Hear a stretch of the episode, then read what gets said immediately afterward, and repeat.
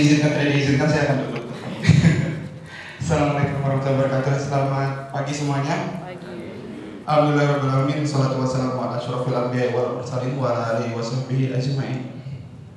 Senang sekali uh, bisa hadir di sini ya di sebuah tempat yang bagi saya pribadi ini sangat uh, bersejarah ya gitu. Ini kan di sini teh ngehits banget ya. Apa komunitasnya ngehits?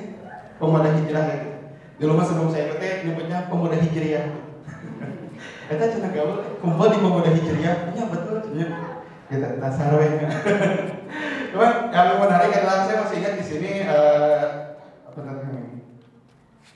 Uh, di sini ada titik uh, salah satu titik perubahan saya di sini di masjid ini. Kenapa? Karena uh, saya masih ingat dulu uh, ikut apa tarawih itu tarawihnya imamnya Ustadz Hanan ngehitsnya ngehits gitu Ustadz Hanan saya ikut masih ingat? Di situ duduknya gitu nemenin teman dari Jogja. Karena orang Jogja sampai ke sini penasaran bikin tarawih uh, sholat malam sorry sholat malam.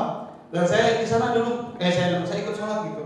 Wah kan kalau rakaat terakhirnya kita kan sudah ada powerful kunut ya Ustaz. Dalam pasti pada nangis kan tahu gitu. Ya wah gitu. Maksudnya Ustaz syahrul Ramadan menangis gitu ya orang-orang teh cuma saya bingung gitu orang lain nangis terus dia diam gitu ya gitu. Padahal ciri orang beriman adalah hatinya bergetar gitu. katanya ketika mendengar ayat-ayat Allah nah saya bingung malah yang bergetar adalah kaki saya gitu wah gitu ya. Di situ adalah perenungan terbesar saya bahwa sebetulnya uh, mungkin diri saya itu muslim, mungkin saya itu orang Islam, tapi hati saya belum bergetar, mungkin saya belum beriman secara sepenuhnya. Akhirnya di sinilah di titik itulah saya mulai mendalami Islam, uh, mencoba menjadi lebih baik lagi. Jadi alhamdulillah ini kali pertama uh, saya bisa sharing di Alatif. Di, bagi saya ini sangat apa ya? Kalau di tempat-tempat lain biasa aja, tapi ini sangat bagi saya itu sangat membanggakan. Alhamdulillah. Jadi Semoga ini bisa sangat bermanfaat buat teman-teman semua yang hadir Amin ya. Boleh saya cek dulu semuanya. Takbir. Wow. Nah, okay. Ini hari ini kita harusnya ada nanti kita masih menunggu proyektor ya. Hari ini kita akan membahas tentang Muslim Productive Life Plan, sesuatu kajian mungkin yang saya juga jarang menemukan ya sebenarnya bahasan tentang ini ya gitu. Karena kita uh, saya ikut kajian sering, tapi ini termasuk yang saya jarang temukan. Dan alhamdulillah Semoga banyak juga kajian-kajian yang membahas hal seperti ini tentang produktivitas uh, umat muslim.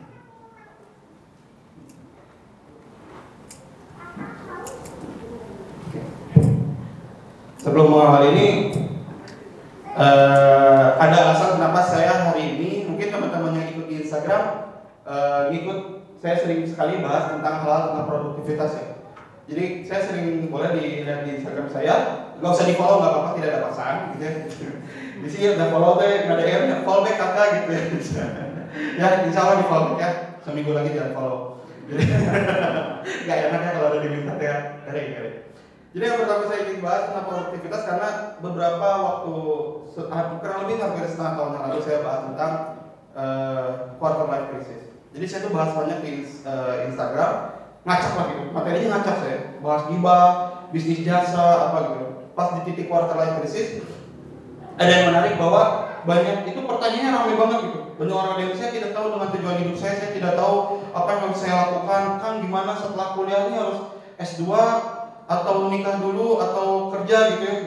Dulu waktu saya single gini habis uh, kuliah pusing gitu. Ah nikah aja gitu Ternyata setelah nikah saya berpikir dua kali ya. gitu. Ternyata bukan tidak tidak sebahagia itu ternyata, tapi jauh lebih bahagia sebenarnya ya jadi di sini masih pada yang single siapa masih banyak? Masih banyak ya? Nah, alhamdulillah tepat ini kajian hari ini ya kita ya tentang produktivitas ya. Jadi uh, waktu itu banyak yang bertanya gitu.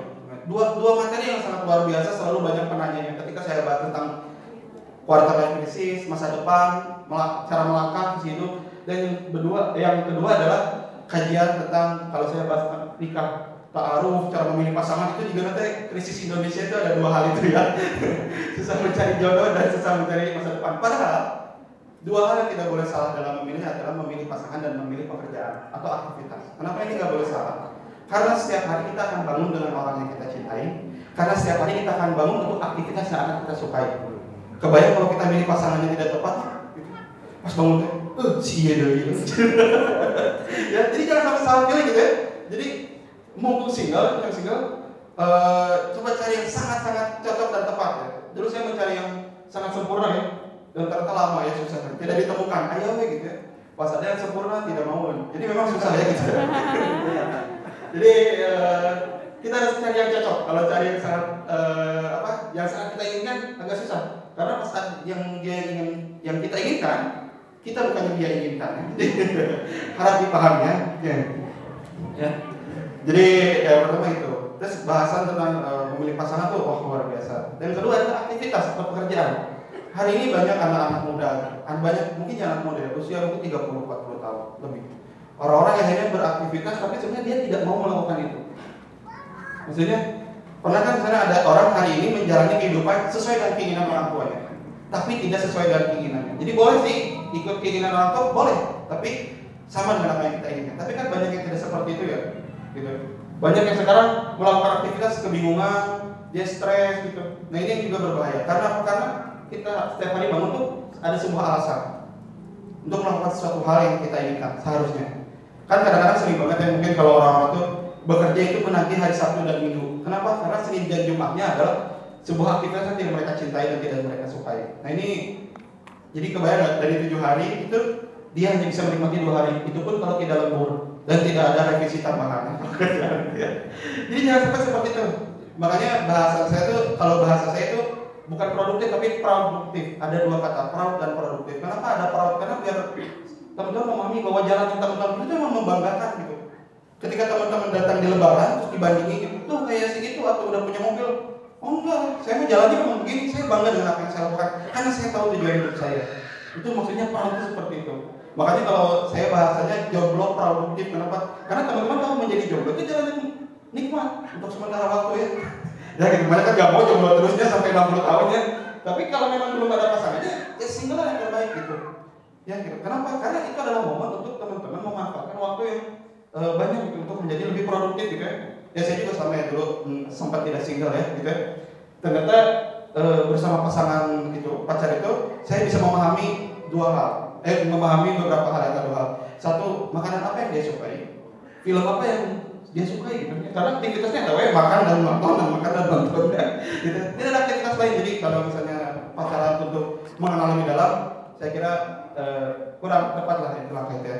Itu contoh ya itu yang ternyata salah satunya adalah tentang produktivitas yang kita bahas adalah tentang bagaimana menentukan masa depan dan akhirnya kita lebih produktif hari ini ini jarang dibahas jadi banyak orang tidak punya tujuan hidup kenapa ya karena memang sejak kecil kita tidak diajarkan ada gitu di SD cara menentukan tujuan hidup pelajarannya enggak kan? Kita lebih dianggap gagal ketika tidak bisa melaksanakan ujian matematika, fisika, kimia, biologi. Padahal belum tentu itu yang menjadi hal utama untuk menjadi kita suksesan. Ada alasan kenapa 10 sahabat Nabi itu ada kan sahabat 10 sahabat yang dijanjikan masuk surga? Ya. Nah, itu kan karakternya beda-beda ya. Abu Bakar, uh, Umar bin Khattab, Utsman bin Affan, profesinya beda-beda ya. Apakah semuanya jago matematik? Semuanya dari fisika? Semua jawab gimana? Enggak, tapi mereka expert di bidang masing-masing. Ada alasan kenapa 10 itu disebut sebagai jaminan masuk surga. Kenapa? Berarti ada 10 minimal ada 10 profesi berbeda yang bisa kita ambil. Jadi kalau ada hari ini, saya tidak jago matematik, fisika, kimia gitu. Tapi jago, saya tuh suka gelut gitu. suka gelut, gelutnya positifnya, saya bela diri gitu ya. Bukan segala ditantang. Oh mungkin itu teh anda itu inspirasinya Zubair bin Awam gitu ahli perang gitu nah mungkin anda adalah yang kelak akan menjadi inspirator atau menjadi pemimpin uh, perang atau dia akan memimpin bidang pertahanan Islam di masa depan karena perlu gitu karena tidak lahir dari ahli matematika ya tapi kalau teman-teman nanti akan menjadi seorang uh, ahli ekonomi Islam ya maka matematika jadi penting nah inilah kenapa kita harus tahu nanti life plan kita apa kita bisa tahu akan menentukan apa gitu. Hari ini saya tanya, ada yang masih di di sini ada yang masih kuliah? S1? Ada yang udah S1 udah tahu mau ngapain atau gimana nanti? Nah, biasanya kalau ditanya kan gitu ya, hidup itu harus seperti air, gitu. mengalir saja gitu ya. Masalahnya air itu macam-macam gitu. Ada yang ada air mengalir ke laut ya, ada yang air mengalir ke danau dan diam gitu sudah di danau gitu. Ada air yang akhirnya jadi comberan gitu. Ada yang di kubangan dan terdiam. Jadi teman-teman mengalir seperti air, maka bikinlah talang-talangnya. Di ke mana alurnya ini kita yang bikin. Ya airnya mengalir gitu, tapi kita yang menentukan arahnya. Kalau bisa ke laut sehingga bisa meluas gitu. Kurang seperti itu. Nah hari ini temanya khusus ada muslimnya. Muslim kenapa muslimnya dibahas karena saya senang ketika kita bahas muslim karena banyak mungkin akhirnya orang-orang Islam yang juga belum tahu apa sih tujuan hidup kita sebagai muslim. Saya tanya tujuan hidupnya seorang muslim itu jadi apa sih? Ada yang tahu? Lalu tujuan hidup kita tuh pinginnya apa? Saya, coba Kang Medi tujuan hidupnya apa Kang Medi? Wah saya tanya langsung tumpah gelasnya. Maaf ya Kalau saya sih motonya ya kak. Iya. Kalau saya ya hidup mulia atau mati syahid kan. Ah, hidup mulia atau mati syahid ya? Iya. Ya. Nah, tapi gimana kalau misalnya tidak masuk zaman perang? Aduh, mati syahidnya kan lebarnya. Atau biasanya gini, apa tujuan hidup manusia ketika ditanya? Biasanya orang jawab gini, masuk surga. Ah, berarti gitu. Benar, tidak ada yang salah. Karena memang pada akhirnya akhir kehidupan kita tinggal dua pilihan. Jika tidak surga maka neraka. Yang jadi pertanyaannya, ini yang selalu jadi pertanyaan. Masuk surganya itu dengan cara apa? Ini yang tidak pernah orang tentukan. Masuk surga gitu. Jadi akhirnya fokus misalnya sholat ya semua fokus sholat. Apakah sholat membawa kita pada surga? Walau alam. Walau pas sholat saja cukup, walau alam. Tapi kalau kita melihat pada sejarah Nabi, rata-rata sahabat Nabi dan juga Nabi tidak fokus pada ibadahnya masing-masing. Ketika mereka hanya fokus pada ibadah masing-masing, itu sama Rasul ditegur. Ada kan yang fokus pada ibadahnya masing-masing? Enggak, rata-rata kan berdakwah, berjihad dengan jalannya masing-masing. Hari ini banyak orang yang melakukan kebaikan tapi sangat imajinatif. Kenapa itu perlu perencanaan? Dan yang terakhir adalah kenapa penting punya perencanaan? Karena jika tidak berencana, maka kita akan gagal. Sudah kebayang belum ketika nanti teman-teman, misalnya kita wafat gitu, lalu kita dihisap, lalu ditanya oleh Allah, kan mau masuk surga ya? Pertanyaan, amal apa yang membuat kamu masuk surga? Bisa nggak dijawab kira-kira? Amal apa yang bisa membuat kita masuk ke dalam surga? Amal apa? Amal amal kojoknya apa gitu? Amal paling utama kita apa?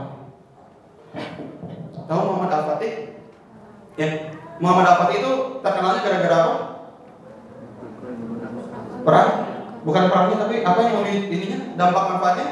Menaklukkan Konstantinopel. Sejak kecil eh, Muhammad Al-Fatih dia sama guru ngajinya diceritain di situ, langsung dia terbakar. Wah, saya ingin kalau gitu kan pemimpin terbaik adalah yang menaklukkan Konstantinopel. Saya ingin jadi pemimpin itu. Karena jadi pemimpin terbaik Islam gitu. Nah hari ini beliau e, terkenal karena menaklukkan Konstantinopel. Setelah e, beliau mendengar tentang hadis itu, sejak kecil dia belajar banyak hal agar bisa menjadi pemimpin yang baik. Jadi tujuan hidupnya cuma jadi menjadi pemimpin menaklukkan Konstantinopel. Dan ketika dihisab nanti insya Allah uh, Muhammad Al-Fatih ketika ditanya apa modal untuk masuk e, ke dalam surga, ya saya pemimpin yang menaklukkan Konstantinopel. Udah. Apakah beliau sholatnya rajin? Insya Allah rajin. Apakah mungkin puasa? Apakah zakat? Itu tidak pernah dibahas. Tapi saya yakin pasti melakukannya gitu. Cuma bukan itu kan amal utamanya Muhammad Al-Fatih. Tapi Muhammad Al-Fatih kita kenal dengan perjuangannya menaklukkan Konstantinopel. Kita juga tahu Imam Bukhari. Imam Bukhari ibadahnya pasti luar biasa. Tapi yang kita kenal kenapa Imam Bukhari hari ini terkenal karena ahli hadis. Beliau menjadi seorang expert di satu hal, hadis. Beliau pun nggak ahli hadis, mengumpulkan hadisnya. Beliau menseleksi. Dan kenapa itu bisa menjadi amal utama? Karena dalam karena kontribusi yang dilakukan sampai hari ini bermanfaat.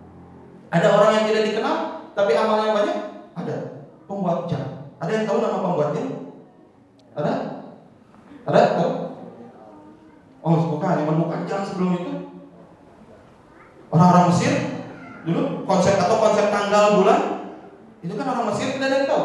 Itu yang menentukan konsep tanggal bulan kita hari ini hari apa tanggal apa? Tanggal 30 ya. Kita semua tahu hari ini tanggal tapi zaman dulu tidak tahu. Bayangkan ketika ada sebuah kajian yang mana di situ ditulis tanggal tanggal 30 kumpul. Akhirnya orang-orang karena tahu tanggal jadi bisa ikut kajian dengan mudah. Itu pahala mengalir kepada yang membuat tanggal. Itu kan nama jariah nggak tahu namanya sampai sekarang siapa itu pembuat tanggal. Apakah Muhammad tanggal gitu? Atau perempuannya Siti Jam gitu Siti Bulan kita nggak tahu. Tapi kontribusi dia kita kita tahu. Kita kita kumpul pagi ini jam berapa katanya acaranya? Sembilan. Pembuat jam tiap hari. Setiap ada poster kajian jam berapa dia dapat pahalanya. Amal jariah Apakah dia berpikir? Dia dia nih yang punya jam berpikir bahwa eh, nanti 100, 200, 300 ribu tahun lagi akan ada kajian di alatif. Nah, saya akan membuat jam demi enggak demi menyelesaikan masalah itu bukan. Dia menyelesaikan sesuatu yang ada di masalah di sekitar dia. Dia merasa bahwa Pak susah ngumpul, mungkin kita perlu konsep, jadi set dan lain-lain. Ini dia membuat sesuatu yang namanya jam. Seperti itu. Itu adalah namanya eh, kontribusi amal. Tujuan hidupnya seperti itu. Nah hari ini ketika kita bilang mau masuk surga, mau pakai amal apa gitu? Amal apa yang sangat eh, teman-teman jagokan? Nah ini jadi pertanyaan. Ya kan? Apakah ibadah eh, personal saya cukup? Hmm, itu jadi pertanyaan. Hari ini saya akan bahas tentang tiga hal. Pertama, visi utama seorang muslim, bagaimana menjadi seorang produktif, lalu setelah itu menjadi eh, nanti cara membuat life plan secara umum.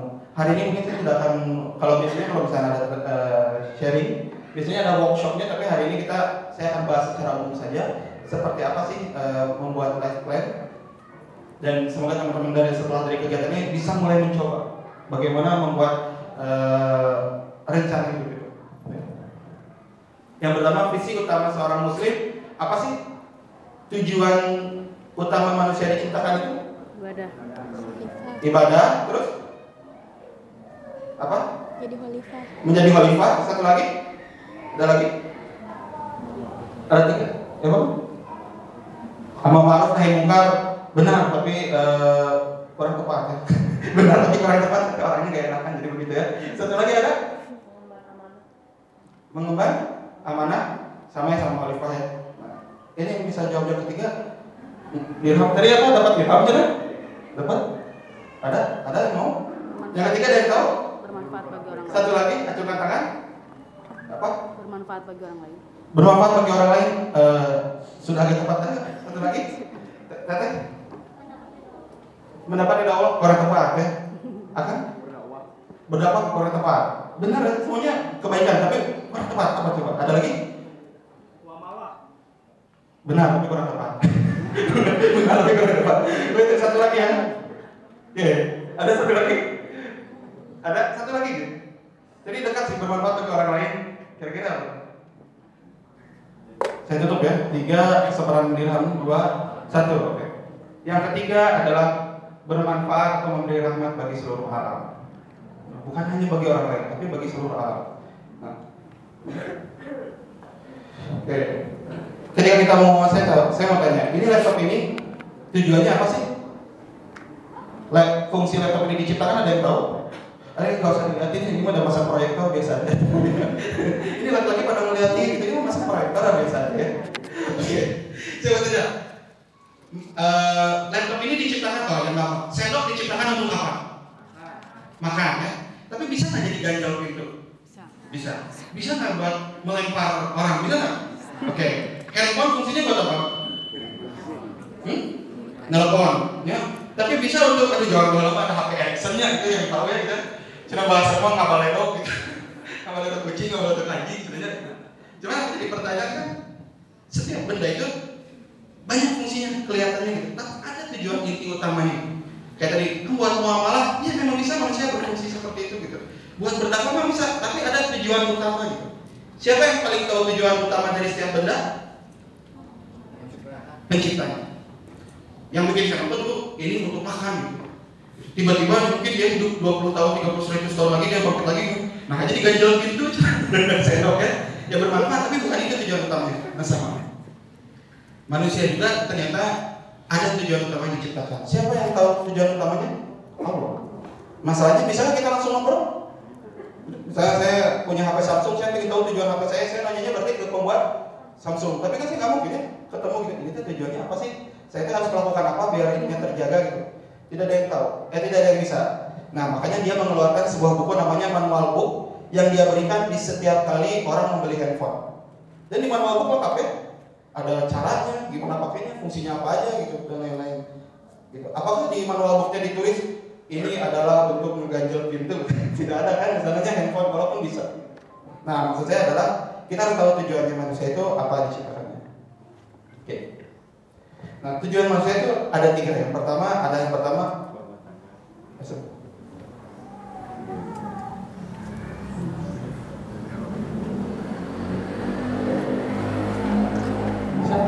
Oke.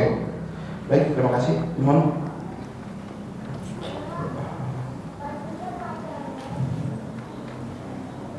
Enak siapa nih?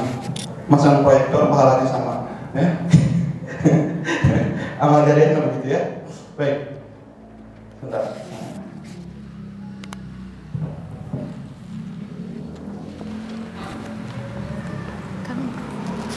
Oke, terima kasih. Oke, yang pertama adalah untuk eh, tujuan utama manusia adalah untuk beribadah. Apa kata? Tidaklah kita ciptakan manusia dan juga jin selain untuk beribadah. Bisa. Kemudian nggak? Atau gue turun gitu? Enggak, enggak kelihatannya buat dari sana. Oke. Yang pertama tujuan ciptakan manusia untuk ibadah, untuk menjadi khalifah, untuk menjadi rahmah atau menjadi rahmat itu iya. Oke. Ibadah. Dan aku tidak menciptakan jin dan manusia melainkan supaya mereka beribadah kepadaku. Quran surat Az-Zariyat. Ini adalah manual book manusia. Quran. Manual booknya. Eh. Jadi di manual book kita manusia yang diciptakan itu ada. Kata itu, "Wa ma khalaqtul jinna wal insan illa liya'budun." Jadi beribadah. Nah, beribadah tuh apa sih contoh ibadah ada yang bisa jawab? Tapi memang tidak dapat dirham ya. Insya Allah dapat pahala. Ada ibadah itu apa? Salat, terus puasa, zakat. Saya tahu jawaban berikutnya, naik haji. Apalagi? Apalagi?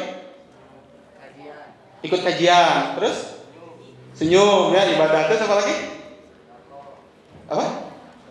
Sedekah, apa lagi?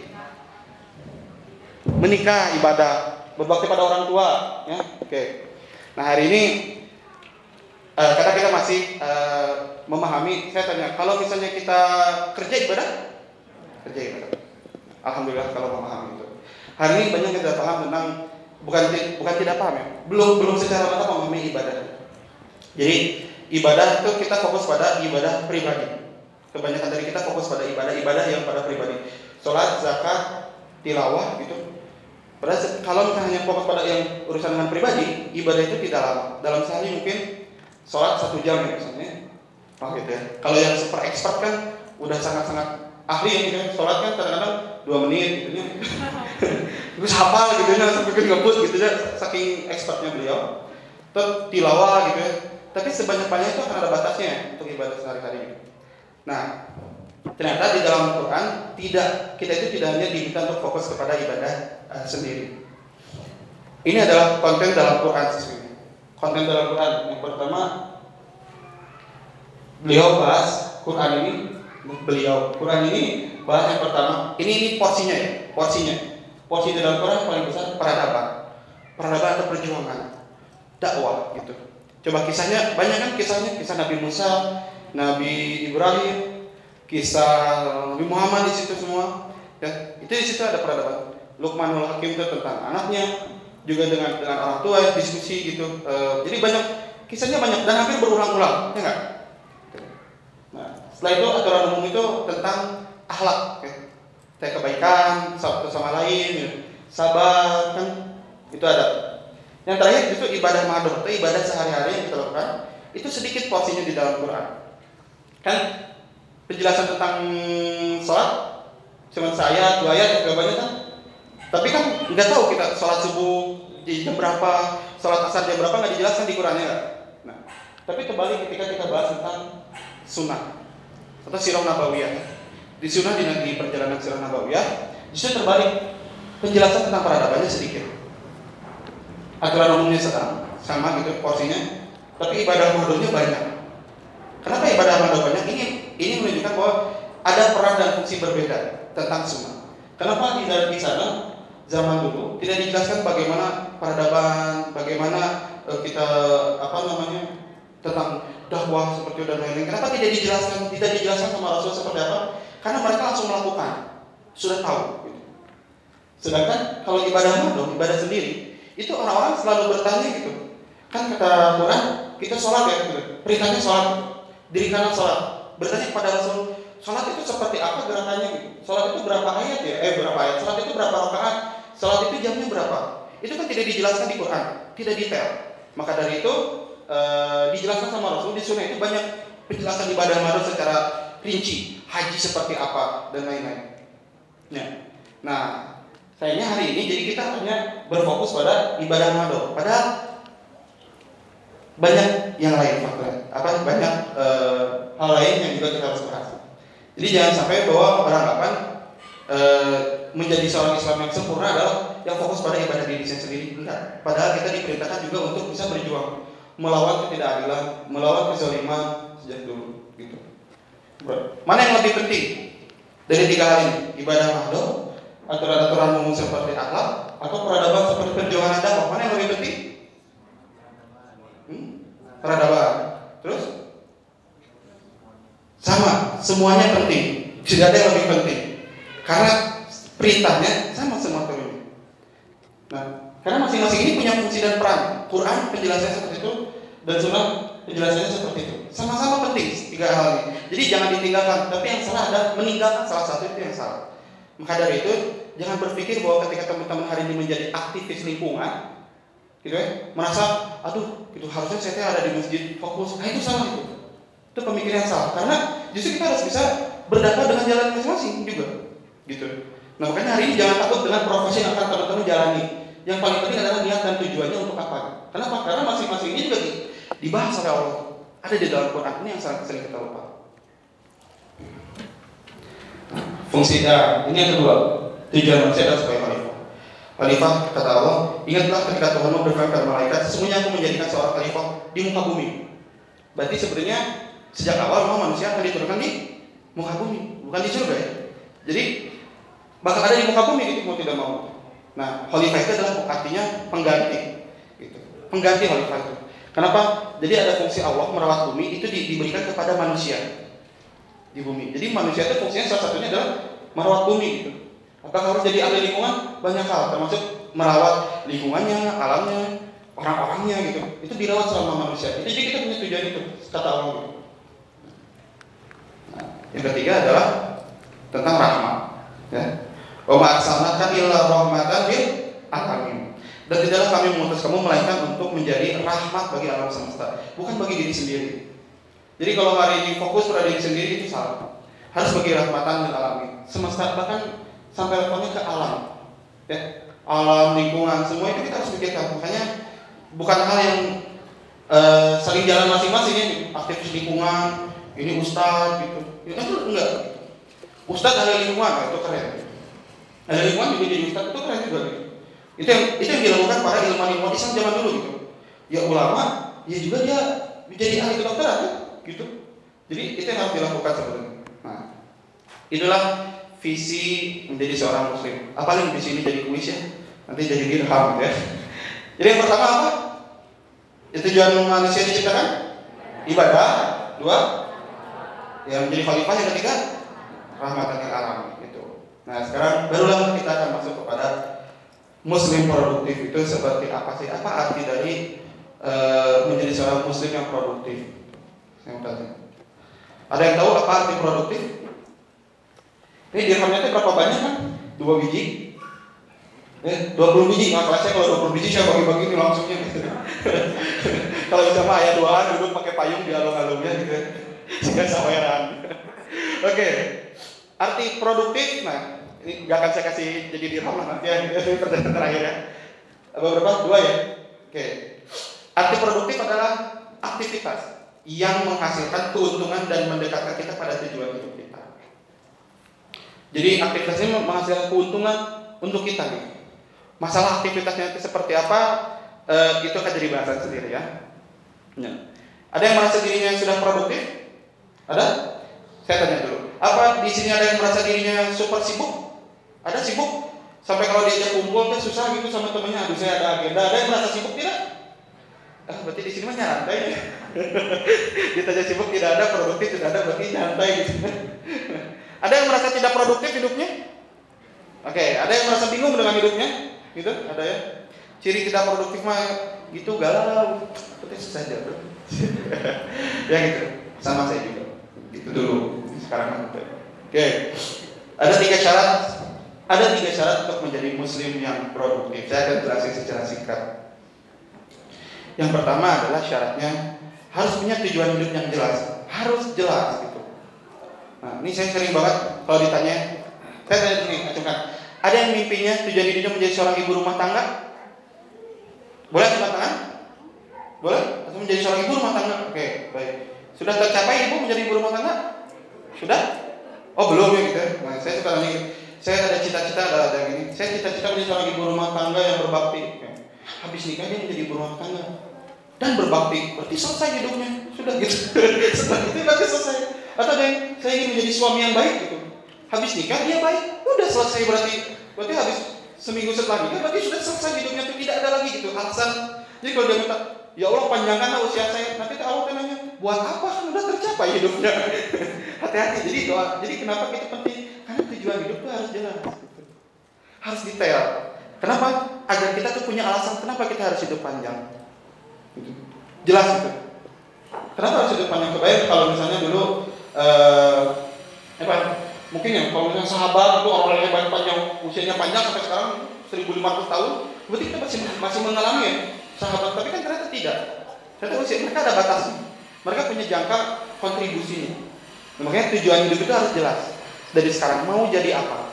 Gitu. Yang kedua, memiliki produktif mindset. Nanti akan saya jelasin apa sih mindset ini. Teh mindset yang mungkin jarang diajarkan di sekolah-sekolah. Yang ketiga adalah setelah punya tujuan adalah memiliki rencana hidup yang jelas dan berjenjang. Ini yang mesti. Ada yang sering bikin resolusi tahunan. Saya tahun depan ingin menikah, itu sering. Target doanya tahun depan harus kurus, itu yang sering dilakukan, gitu ya. Pokoknya tahun depan eh, saya sudah punya mobil, itu sering dilakukan, atau punya apa-apa itu sering dilakukan. Tapi tidak jelas rencananya seperti apa. Jadi pokoknya eh, kapan kan punya rumah? Ya, atau gini. Eh, kapan rencana punya mobil? Rencana saya sih punya mobil hmm, tiga tahun lagi. Mobilnya apa? Innova lah saya pengennya soalnya bagus oke. Misalnya ini kan jadi ada mereknya. Misalnya ternyata mobil Innova tuh harganya berapa sekarang? Ah, misalnya anggap 300 lah ya sekarang. 300. Gajinya kita kita hitung hitungan, kita pakai logika. Ini kalau rencana yang eh, jelas pakai logika. Sekarang kerjanya apa? Gajinya berapa? 4 juta sebulan. Oke, 4 juta. Berarti dalam setahun bisa ngebeli berapa? 48. Anggap aja berarti 50 lah kitanya. 50 berarti dalam 3 tahun kalau punya mimpi punya Innova, dalam 5 tahun berarti cuma berkumpul 150 juta. Mungkin nggak kebeli Innova? Gak mungkin. Kalau kita hanya gitu-gitu aja, kebayang nggak? Nah itu kenapa harus jelas? Karena ketika kita punya target, memang realistis gitu. Oh, jadi ketika saya saya bilang, kenapa tiga tahun lagi saya punya mobil, saya butuh mobil ini. Tapi sekarang kondisinya adalah gaji saya sakit itu berarti saya harus mencari pemasukan yang lain atau mungkin saya harus membeli sirop nu ayah dia mobil Innova ya, ya benar? Jadi tiap hari teh beli weh sirop gitu nya, gitu ya. Udah beli ah, bukan hadiahnya, bisa dakohkeun buat yang buka puasa. Insya Allah itu pahalanya banyaknya. Tapi mobil belum tentu ya gitu. Pas istri pas istri nanya, ah gimana ayah kita nggak dapat mobil tuh katanya. Kalau suaminya teh sabar sedekah insya Allah Allah ganti. Aduh ya, jadi 150 juta tuh dia pakai untuk beli sirop gitu ya. atau ayah umroh gitu ya ayah umroh kan sering ya rencana-rencana kita nah ini kenapa dengan memiliki rencana kita tahu sebenarnya kita harus menentukan langkah kita apa gitu. atau contoh lah paling gampang saya, saya punya temannya lulusan ITB S3 ya, keluar negeri pertanyaan saya dulu saya nanya kenapa eh, S3 itu keren jawabannya apa coba Habis daripada nganggur, wah kerennya. Daripada nganggur beli S3 nya orang mah S1 nya belum tentu gitu nya. Gitu lah, orang teh gitu. Padahal kalau jadi S3 teh kebayang nggak berapa tahun yang dia korbankan untuk S3. Mending kalau sesuai sama tujuan hidup dia. Kalau enggak, itu akan jadi kesia-siaan. Habis beres S3 terus sekarang ngapain? Kerja aja nyari kerja, bingung. Itu yang maksudnya kesia-siaan. Karena dia dia itu hidup sesuai dengan bagaimana air mengalir. Gitu. Jadi nggak boleh gitu. Jadi pertanyaan ini teman-teman kalau udah punya life plan, setelah S1 teman-teman akan punya jawaban.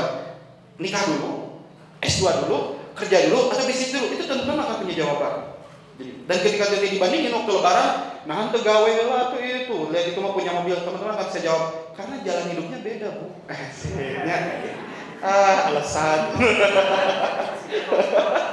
Oke, ya, oke, saya akan saya akan mencoba uh, mencoba membangun pikiran teman-teman. Hari ini teman-teman anggap aja ceritanya hari ini kalau lebih panjangnya itu ceritanya lebih lebih panjang ketika teman-teman datang hanya ada empat tipe bus. Hanya ada tempat empat tipe bus ya. Yang pertama pas lihat bus yang depannya murah dan jelek busnya.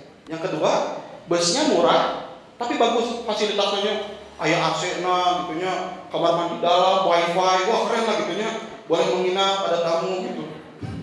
Tiga kuasa yang ketiga busnya sebelahnya itu mahal dan jelek gitu. Udah mahal tapi jelek fasilitasnya kamar mandi luar gitu mahal yang terakhir adalah mahal dan bagus ini udah mahal tapi bagus tapi mahal harganya kira-kira teman-teman mau naik yang mana yang A siapa yang milih A acungkan tangan ada Oh, mau kajian mah cara kacung tangannya gitu ya. Angkat kepala gitu. yang memilih murah dan jelek siapa? Ada yang memilih murah dan jelek? Ada? Nggak ada. Yang milih B murah dan bagus ada? Ada? So, ada. Oh banyak ya banyak. Murah dan bagus acungkan tangan? Ya? Oke, banyak nih paling banyak ya. Mahal dan jelek? Ada yang mau milih mahal tapi jelek? Adanya sodako ya pemacarnya juga banyak. eh kemarin saya ngisi ngisi gitu ya, ada yang milih C. Saya tanya kenapa milih mahal dan jelek? Karena saya yakin kalau orang bayar mahal, berarti orang itu berkualitas. Jadi orang-orang yang naik mobil bus-bus mahal, itu obrolannya katanya akan berkualitas. Terus saya bilang teh, ah bener busnya bayar, kalian murah. Oke, yang mahal dan bagus ada yang milih mahal dan bagus ada? Satu, dua, ada yang dan bagus? Baiklah tiga ya teteh. Baik. Jawaban yang tepat adalah bus yang mana adalah bus yang membawa kita kepada tujuan kita. Itu yang benar ya. Itu. Maka ada pilihannya ada ini. Itulah kenapa saya bilang orang sering terjebak dengan pilihan-pilihan yang ada di depan mata. Kebayang? Hari ini teman-teman mau ke Bogor, ke lebih panjang ya ke Bogor datang. Tek, ada empat bus, eh, ini mahal, bagus, murah gitu ya. Tiba-tiba yang akhirnya ada ada murah dan bagusnya. Tapi jurusannya teh ke Banten, naik ke. Ya entah. Mas tiba-tiba naik itu gara-gara soalnya ini murah dan bagus, saya naik ke Banten gitu ya, gitu, tidak sadar gitu. Ya pasti naiknya ke Bogor mau itu jelek tapi mahal. Kalau cuma itu ada satu-satunya yang tersisa ya itu yang dijalani gitu. Kebayang nggak? Itu maksud saya. Kalau teman-teman punya tujuan hidup yang jelas, punya tujuan, teman-teman akan bisa menentukan jalannya yang dipilih. Hari setelah teman-teman SMA, lulus SMA, itu akan banyak pilihan. Kerja dulu kah? Setahun nunggu atau langsung kuliah, kuliahnya ke mana dan lain-lain itu kan banyak pilihan. Setelah lulus S1, ada banyak pilihan yang menggiurkan. Beasiswa S2 atau kerja. Kerjanya juga di mana ada yang gajinya gede, ada yang gajinya enggak. Ada yang banyak pilihan. Saya yakin semua akan memilih yang enak, benar nggak? Nah misalnya Berarti gimana ya? Udah deh, S2 aja lah. Soalnya beasiswa murah banget. Kebayang nggak? Nah, teman-teman padahal teman-teman punya mindset untuk menjadi seorang misalnya eh, apa namanya itu? Misalnya teman-teman akhirnya tidak punya mimpi untuk menjadi seorang dosen padahal. Tapi teman-teman sampai S3 gitu. Di sana buat apa gitu? Padahal mimpinya adalah menjadi seorang pebisnis gitu. Atau profesional di karir. Itu salah, itu salah langkah. Jadi jalannya salah gitu. Itu mak maksudnya itu teman-teman hari ini kita dihadapkan pada pilihan-pilihan yang bisa jadi nikmat bisa jadi tidak. Nah, maksudnya kita nggak mau kan milih yang jelek. Padahal bisa jadi yang berat itu sesuatu yang justru sesuai dengan dengan jalan kita. Nah contohnya kalau orang-orang mau bisnis ya jangan aneh kalau di awal-awal bisnisnya terseok-seok gitu harus nalangan harus ngebayarin orang gitu. Makanya kalau misalnya habis lulus S1 lalu kita dibandingkan dengan saudara kita yang dia sudah kerja di Jakarta itu pasti jauh gitu. Ini ini mah udah bisa beli mobil dan lain-lainnya dan memang beda jalannya gitu. Jalan saya mah busnya yang mahal dan jelek, saya harus keluar uang, saya harus terseok-seok, tapi bisnis mah nanti naiknya di atas karena eksponensial gitu misalnya. Kalau kerja mah gitu kan stagnan ya. Nanti juga dia akan ada titik berhenti misalnya gitu. Jadi makanya jangan takut setiap orang punya jalannya masing-masing. Mana yang lebih bagus jadi pebisnis atau kerja? Masing-masing bagus gitu. Karena yang bisnis juga butuh yang kerja kan? Iya gitu. Yang kerja butuh orang yang bisnisnya gitu. Semua kerja nggak ada bisnisnya nganggur kan? Yang punya perusahaan nggak ada yang kerja bingung produksinya. Dua betul. Dan setiap orang punya kemampuan dan kekuatan di bidang masing-masing ini yang perlu dipahami. Oke. Itu kenapa ini akan kita bahas. Nah sekarang jadi yang pertama adalah harus punya tujuan hidup yang jelas atau life goal saya bilang. Life goalnya apa sih sebenarnya kita tuh? Tadi kan sebenarnya umat manusia tuh udah ya secara umum punya harus menjadi ibadah, menjadi khilafah atau rahmat. Tapi secara teknisnya itu kita mau jadi apa? Kalau misalnya Imam Bukhari membuat sebuah buku hadis, kalau misalnya Muhammad Al-Fatih menjadi pemimpin perang, Kalau kita mau apa? Itu yang jadi pertanyaan. Gitu. Itu yang jadi pertanyaan. Mau jadi apa gitu? Itu kan yang harus kita bisa jawab di hadapan Allah tuh gitu. Nah, kita harus pahami ada perbedaan antara cita-cita dengan kontribusi. Ini yang beda. Ini tujuan hidup. Kalau misalnya secara umum cita-cita apa sih contohnya? Kalau kita kecil ditanya cita-cita jadi apa? Pilot, ya, dokter, jadi apa? Polisi gitu. Jadi mau di Bandung mah pemain Persib, ya, khususnya gitu ya. Ini saya cerita sedikit, saya ikut komunitas dulunya, aduh anak kecil itu bener cita-citanya di SD Durma, Durma di daerah e, Pasar Baru, cita-citanya pengen jadi germo. Hmm? Simple. Kan saya tanya kenapa? Ya habis enak karena bapak ibu saya setiap malam pulang bawa uang. Jadi kebayang nggak? Orientasinya berarti adalah ini perbedaannya karena cita-cita biasanya orientasinya adalah finansial atau karir atau finansial itu cita-cita. Sedangkan kalau kontribusi itu orientasinya harusnya manfaat. Apa yang kita lakukan untuk umat itu bedanya orientasi. Yang kedua cita-cita kita berhenti di suatu suatu titik karena itu hanya sebuah profesi. Saya ingin jadi seorang ibu rumah tangga. Oke, habis nikah jadi ibu rumah tangga? Jadi. Pertanyaannya jadi ibu rumah tangga apa gitu? Ketika di hadapan Allah tuh, apa amal ibadah kamu? Jadi ibu rumah tangga. Eh, bukan itu pertanyaannya. Dengan jadi ibu rumah tangga itu melakukan apa gitu? Ah, nggak tahu. Nah itu yang jadi pertanyaan kita. Saya ingin jadi suami yang baik. Ya, terus apa? Udah jadi baik gimana? Itu maksudnya. Melakukan kontribusi itu mengukir nama dalam sejarah. Tidak akan berhenti di suatu titik. Hari ini setiap kali kita bahas tentang pemuda, nama Muhammad Al-Fatih disebut-sebut lagi gitu. Kita kita bahas tentang sebuah eh, bahasan ekonomi, Utsman bin Affan disebut-sebut lagi, Abdurrahman bin Auf, kita ter- selalu terus menyebut nama-nama itu. Yang ketiga adalah pahala yang tiada henti. Itu karena hari ini setiap saya tadi bilang, setiap orang yang ada kajian, terus ada jamnya gitu, itu pembuat jam dapat pahala gitu. Itu, itu yang menemukan kertas itu sangat luar biasa gitu, dapat pahala gitu. Itu yang menemukan misalnya gini ya, kayak kajian, ustadznya kita ajak makan, ustadz ayo makan dulu. Ayo soto nah, sotonya dikasih bawang goreng, kita penemu bawang goreng itu dapat pahala. Apa yang mendasarinya? Orang dulu bikin bawang goreng, motong bawang, goreng lah gitu. Ini apa coba dasarnya? Bayangkan gitu. Itu kan dari uji coba ya. Yang saya selalu bingungnya tukang bakso tahu. Siapa yang punya ide? Paria diisi bakso tahu gitu. Paria gitu. Di antara semua sayur yang nikmat, paria gitu.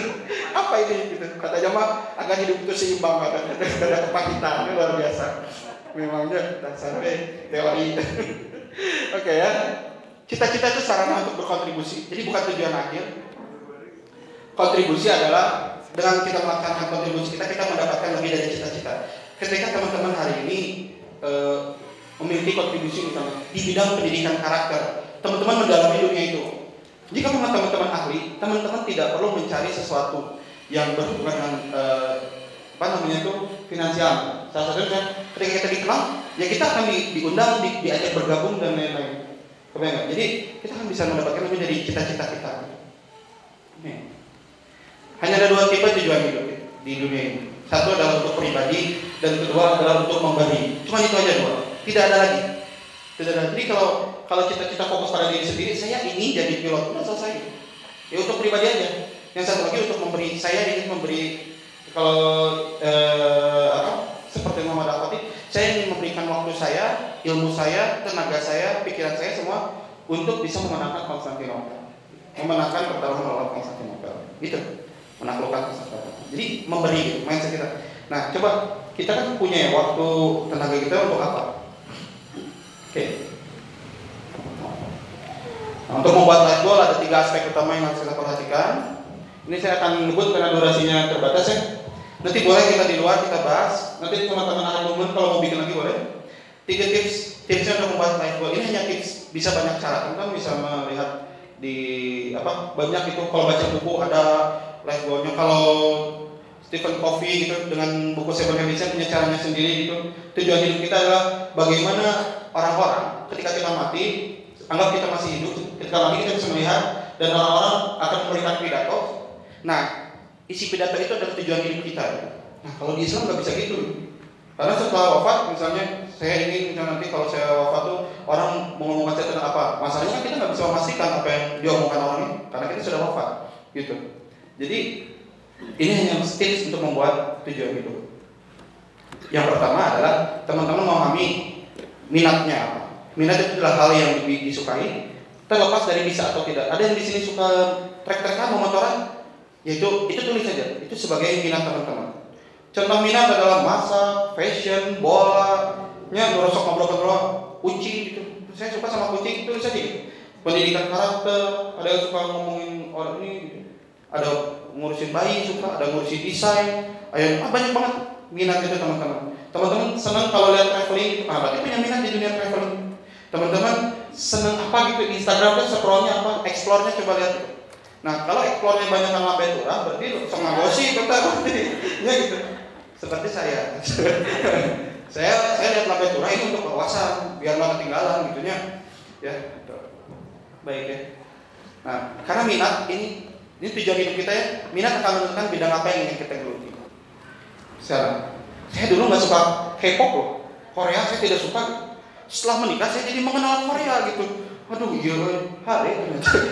Tapi ya anu, anu benar gitu maksudnya teh ya nantinya eh, ya saya ini minat. Saya tulis saja sebagai minat. Nah masalahnya apakah minat akan digeluti semua? Tidak, hanya sebagian aja. Jadi kita pahami minatnya apa. Nanti minat punya fungsinya masing-masing.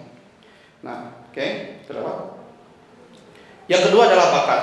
Bakat adalah aktivitas apa yang menjadi kekuatan kita. Ini senang kita lakukan, tidak mudah bosan, tidak mudah lelah, dan kita bisa berkembang di aktivitas tersebut. Ini sering banget kita e, tidak pahami ya, bakat kita. Kenapa bakat penting? Karena ketika memang kita berbakat di situ, maka di situlah bisa menjadi kekuatan terbesar kita dalam e, melakukan sesuatu. Nah, contohnya bakat fisik. Misalnya bakat fisik itu ada ada yang fisik secara dari lahir ya sudah ada nyanyi, olahraga gitu ya badannya kayak lentur gitu tidak semua orang bisa oh, semua orang bisa nyanyi tapi yang bagus kan tidak semua orang ya. ada yang sampai perlu kuliah dulu ada yang tidak gitu. Eh kuliah. Ada yang harus tes dulu atau tidak. Yang ketiganya adalah bakat keterampilan. Contohnya berpikir kritis mampu memimpin itu adalah bakat atau kekuatan utama. Kenapa kita perlu memahami bakat? Karena ini ketika kita melakukan aktivitas sesuai dengan bakat kita itu akan jauh lebih mudah. Kalau kata kalau di Quran adalah beramalah sesuai dengan keadaan masing-masing. Gitu. Maksudnya e, keadaan masing-masing ini salah satunya tapi dia sesuai dengan kondisi kita masing-masing. Kita harus paham, tidak semua orang jago segala hal. Saya pernah dulu ingin jadi seorang melodi gitaris pas SMA. Gitunya, tahu melodi gitarisnya? Ini gitar melodi lagu kayak jago gitu. Sampai dulu dia berjuang beli gitar sendiri, latihan gitar, sampai dulu mau pakai karet ban, karet ban kan, itunya tariknya ditarik tangan dimasukin ke lemari ditahan jadi ditarik ini tangan gitu. Jadi kalau main teh berat gitu. Nah, fungsinya apa? Ini latihan latihan otot biar bisa ngebut saking saya pinginnya obsesi jadi pemain gitar pas dibuka wah tetap lompat. Singkat cerita teman saya teh baru belajar. Teman saya baru belajar. Sudah jago melebihi saya. Di titik itu saya paham bahwa gitar atau musik adalah sesuatu yang saya minati tapi bukan bakat saya. Nah akhirnya saya mem memposisikan bermain musik hanya sebagai hiburan, bukan sesuatu yang saya akan geluti sampai menjadi seorang profesional. Kebayang? Ini itu yang harus kita pahami. Hari ini tidak banyak yang memahami seperti itu. Gitu. Terus ada yang uh, menarik bakat keterampilan. Salah satu contohnya teman-teman misalnya suka berpikir uh, ada yang suka gampang menangis itu mendengar cerita orang, gitu ya. Gitu. Dengar orang uh, nangis. Tapi ada yang tidak suka menangis itu, misalnya apa? Ada keluarganya lu sakit nih sini oh gitu. Semangat ya. Ini tidak empati. Mana yang lebih baik? Punya empati tinggi atau tidak? Mana yang lebih baik? Dua-duanya bisa baik tergantung tujuan itu kalau teman-teman mau jadi konsul kalau teman-teman mau jadi dokter ya, empatinya misalnya ada, ada yang empatinya tinggi gitu. Pas mau gunting misalnya air bedah khusus aduh ya Allah usus di satu sisi empatinya harus dihilangkan gitu. gitu. Tapi kalau empatinya tinggi ya, teman-teman punya jadi konsultan, curhat, ya, pasangan keluarga seorang istri datang menangis dia perlu mengeluarkan. Kalau ada orang yang juga bisa jadi apa memahami itu, empatinya tinggi itu bagus. Mendengarkan cerita curhat saya emang enak kalau cerita sama dia dia kayak yang ngerti, memang karena dia empatinya tinggi. Jadi di dalam dunia bakat itu setiap orang punya semua bakat, ada 34 bakat. Masing-masing tidak ada yang jadi tidak ada istilah dia mah nggak bisa bukan gitu. dia itu kuat di satu sisi, dia itu lemah di satu sisi. Karena tidak bisa semua orang kuat di segala hal. Gitu. Tentunya kayak gitu. Kenapa ya orang tua saya mah nggak kayak orang tua itu? Orang tua saya mah nggak komunikatif orang itu gitu. Dia dia mah keluarganya kayak sahabat gitu dengan orang tua kayak gitu. Nah, memang mungkin orang tua kita sebelum jadi orang tua memang gitu gitu tidak bersahabat gitu dengan siapa pun karena memang bukan bakatnya untuk seperti itu gitu. Tugas kita apa? Untuk ketika kita memahami oh ternyata orang tua saya seperti ini kita jadi memaklumi dan tidak berharap terlalu banyak. Saya suka kedisiplinan. Ada orang bakatnya suka kedisiplinan. Di rumah teh pabalatak wae gitu ya. Gimana? Ah saya ingin merubah rumahnya enggak gitu. Ketika ini orang tua nggak bisa dirubah maka yang bisa dirubah adalah ekspektasi kita terhadap kedisiplinan kita. Jadi dirubah, ya udah baiklah saya tidak akan berharap rumah ini bersih. Tapi saya berharap kamar saya bersih, sesuatu yang saya kontrol bersih. Jadi di luar kamar tidak bersih, tidak naon, karena itu bukan harapan saya. Terkebayang nggak? Untuk ketika memahami bakat bisa seperti itu. Nah, kalau bakat ini sebetulnya bisa ditelitinya baiknya teman-teman mengikuti beberapa tools-tools yang disediakan entah itu training atau apa banyak hari ini ada MBTI, Steven, talent mapping dan lain-lain. Kenapa ini penting? Karena saya pun mengalami setelah mengikuti ini memang sedikit ada perubahan. Ya, perubahan mindset. Karena saya mengenal diri. Bakatnya memang agak susah, tidak tidak bisa dilihat. Kalau bakat fisik bisa kelihatan. Masalahnya bakat dalam diri itu agak susah. Apakah kita senang berpikir kritis atau tidak? Apakah kita senang menganalisis atau tidak? Itu kan berpengaruh. Gitu. Oke, yang ketiga adalah keresahan. Keresahan ini yang paling utama adalah permasalahan.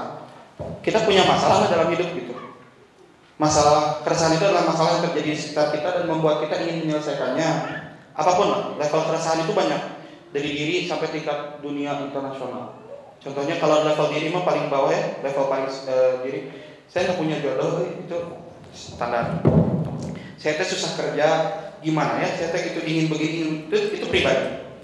Tapi levelnya naik lagi ketika ada orang ada orang mikirnya enggak gimana umat ini harus bangkit, kenapa ekonominya? Oh, itu levelnya level umat gitu, keresahannya. Jadi banyak itu. Apakah mana yang lebih baik level keresahan mana? Setiap keresahan itu ya baik gitu. Karena setidaknya kita resah gitu. Nah, yang jadi pertanyaan apa yang bisa kita lakukan dengan keresahan itu? Keresahan ini kan banyak nih permasalahan. Nah, coba kita tanya, masalah apa yang kita selesaikan? Saya akan cerita sedikit keresahan saya itu. Contoh keresahannya, eh, saya kalau ke masjid gitu ayo anak-anak gitu ribut anak-anak gitu saya nggak kesal biasa aja gitu uh, anak-anak anak-anak bisa dibawa ke masjidnya yang yang saya rasa adalah ketika waktu sholat anak-anak ini tidak berhenti gitu. Tetap bermain gitu. Mungkin di sebagian masjid mah diamankan ya. Ya di sebagian masjid. Tapi di masjid saya itu tidak. Gitu. orang gitu. Jadi terus lagi sholatnya teriak-teriak anak. Jadi tidak fokus mengganggu kehusuan. Apakah salah anak-anaknya? Bukan. Anak-anak tidak tahu ya. Ini nah. Saya memahami ternyata mungkin memang setelah saya dalami memang tidak ada peraturan bagaimana caranya mengamankan anak. Tidak ada yang mengajarkan bagaimana cara memanage anak di masjid ada yang membuatnya tidak ada kan jadi segimana orang-orang yang mengira-ngira kayaknya harusnya digini harus ini bayangkan kalau misalnya ada seorang psikolog parenting muslim memahami permasalahan ini dia ada psikolog dia minatnya di dalam parenting dan dia merasa bahwa ini ada keresahan gitu Akhirnya dia bikin SOP. Anak usia berapa harus ke masjid? Kalau mau dibawa ke masjid, harus apa yang disiapkan? Apa yang harus dilakukan DKM ketika ada anak-anak untuk mengamankan itu? Itu kan sebuah permasalahan yang diselesaikan. Bikin bosnya sebarin ke masjid-masjid. Insya Allah setiap kali ada anak yang datang dan itu tentram, itu si psikolog parenting muslim mendapatkan amal jariah yang sangat luar biasa. Kebayang nggak? Itu tuh psikolog gitu. Jadi ibaratnya ibadahnya dia itu membuat SOP seperti itu gitu. dengan aktivitas dia masing-masing. Itu baru dari anak-anak. Saya merasa kenapa ya Ustadz itu kalau khotib Jumat itu sok tunduk gitu. Ada yang merasakan? Ya, bahkan sampai ada bodoran atau saya SMA aduh ya. Ada seorang pengusaha kaya tidak bisa tidur, di, diajak ke sini ke hotel Ustadz oh, nggak bisa gitu. Terus ada yang muslim cik pak ke itu Jumatan di situ itu pas saya masuk langsung tidur pas kedua sih itu bodorannya sebuah bodoran yang apa gitu saya mau ya tapi intinya apa ada sebuah permasalahan dalam tata cara khotib menyampaikan sebuah materi. Coba kalau ada orang yang di sini ahli public speaking, concern terhadap bidang itu gitu. Terus dia bikin pelatihan kepada khotib-khotib, ini tata caranya harus dibumbui apa, bagaimana dia bisa semangat. Itu jadi pahala buat para khotib-khotib itu. Kalau untuk para ahli-ahli public speaking, gitu. Kebayang enggak? Itu di bidangnya masing-masing. Makanya harus punya keresahan. Apa sih yang diselesaikan? gitu bisa dari yang kecil kalau saya saya salah satunya keresahan saya adalah kenapa waktu saya sharing tentang masalah hidup banyak yang bertanya akhirnya saya coba menggali oh karena memang di, di kita di Indonesia tidak ada tata cara untuk menentukan tujuan hidup. Kita tidak pernah diajarkan. Maka saya punya mimpi untuk membuat sebuah kurikulum pendidikan yang bisa digunakan di Indonesia agar bisa membuat anak-anak itu akil balik sesuai usianya. Akil balik akil berakal. Gitu. Jadi pingin dari kecil tuh orang tahu anak-anakku sudah mulai menyadari saya harus melakukan apa. Di Indonesia kan minimal 17 tahun baru dianggap dewasa ya kebayang nggak padahal kalau anak-anak udah balik gitu ya yaitu setiap dosa yang dilakukan setiap pahala itu ditanggung oleh dirinya kebayang nggak kalau misalnya dia tidak dewasa dia setelah balik nggak usia 17 tahun gitu. dan ini dia wafat gitu dia dalam kondisi yang kebingungan gitu. jadi intinya keresahan itu keresahan menimbulkan masalah yang harus kita selesaikan. Makanya saya mengambil peran untuk bagaimana menyelesaikan masalah pendidikan karakter di Indonesia. Itu saya. Apakah nanti saya ingin menyelesaikan masalah lingkungan? Ya lingkungan juga bermasalah, tapi saya bukan mau yang di situ gitu. Saya tidak ingin mengambil ranah itu. Biarkan orang-orang minatnya di situ yang menyelesaikan. Minat saya adalah di bidang pendidikan. Jadi teman-teman itu kenapa penting? Ada keresahan, ada minat, terakhir ada bakat. Bakat saya apa?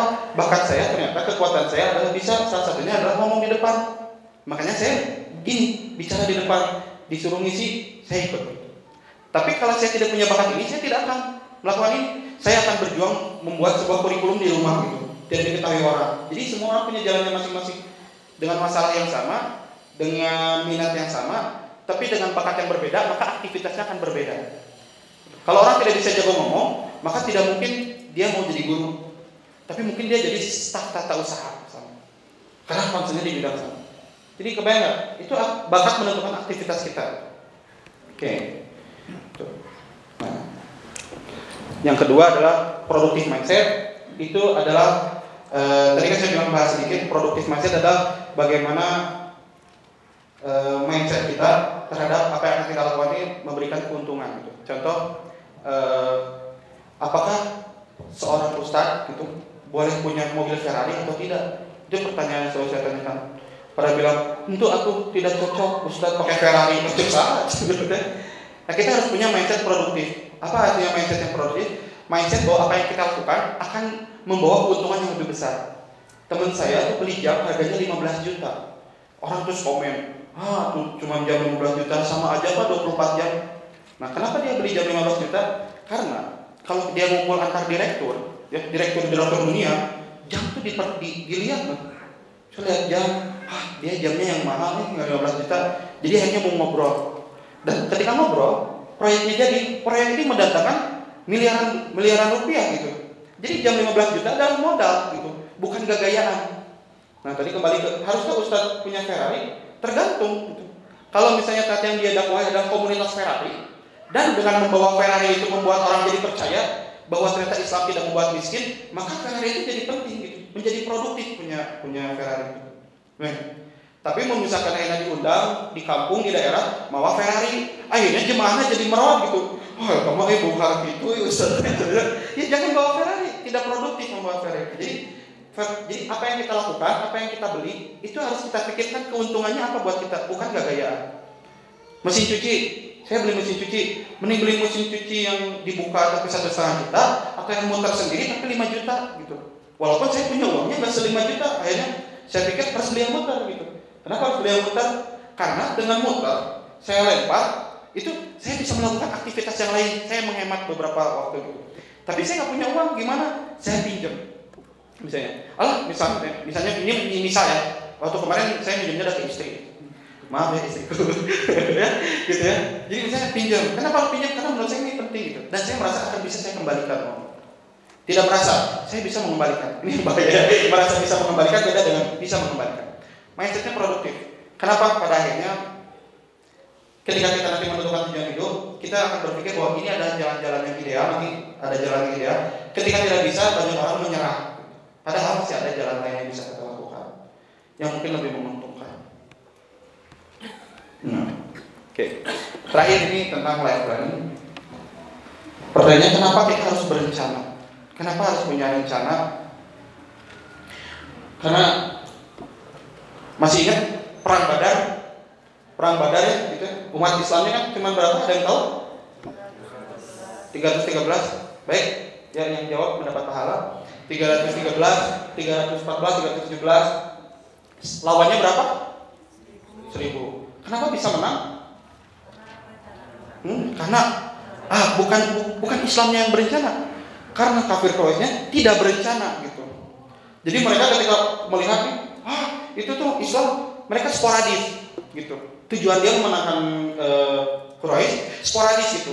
Nah, Islam punya rencana kebetulan. ya, gitu. salah satunya karena lawannya tidak berencana, kita kitanya berencana. Akhirnya kalah kafir Quraisy gitu. Dipukul mundur dan dan akhirnya sampai em, kalah lah kafir Quraisy. Jadi emang penting untuk punya rencana. Gagal berencana artinya berencana untuk gagal.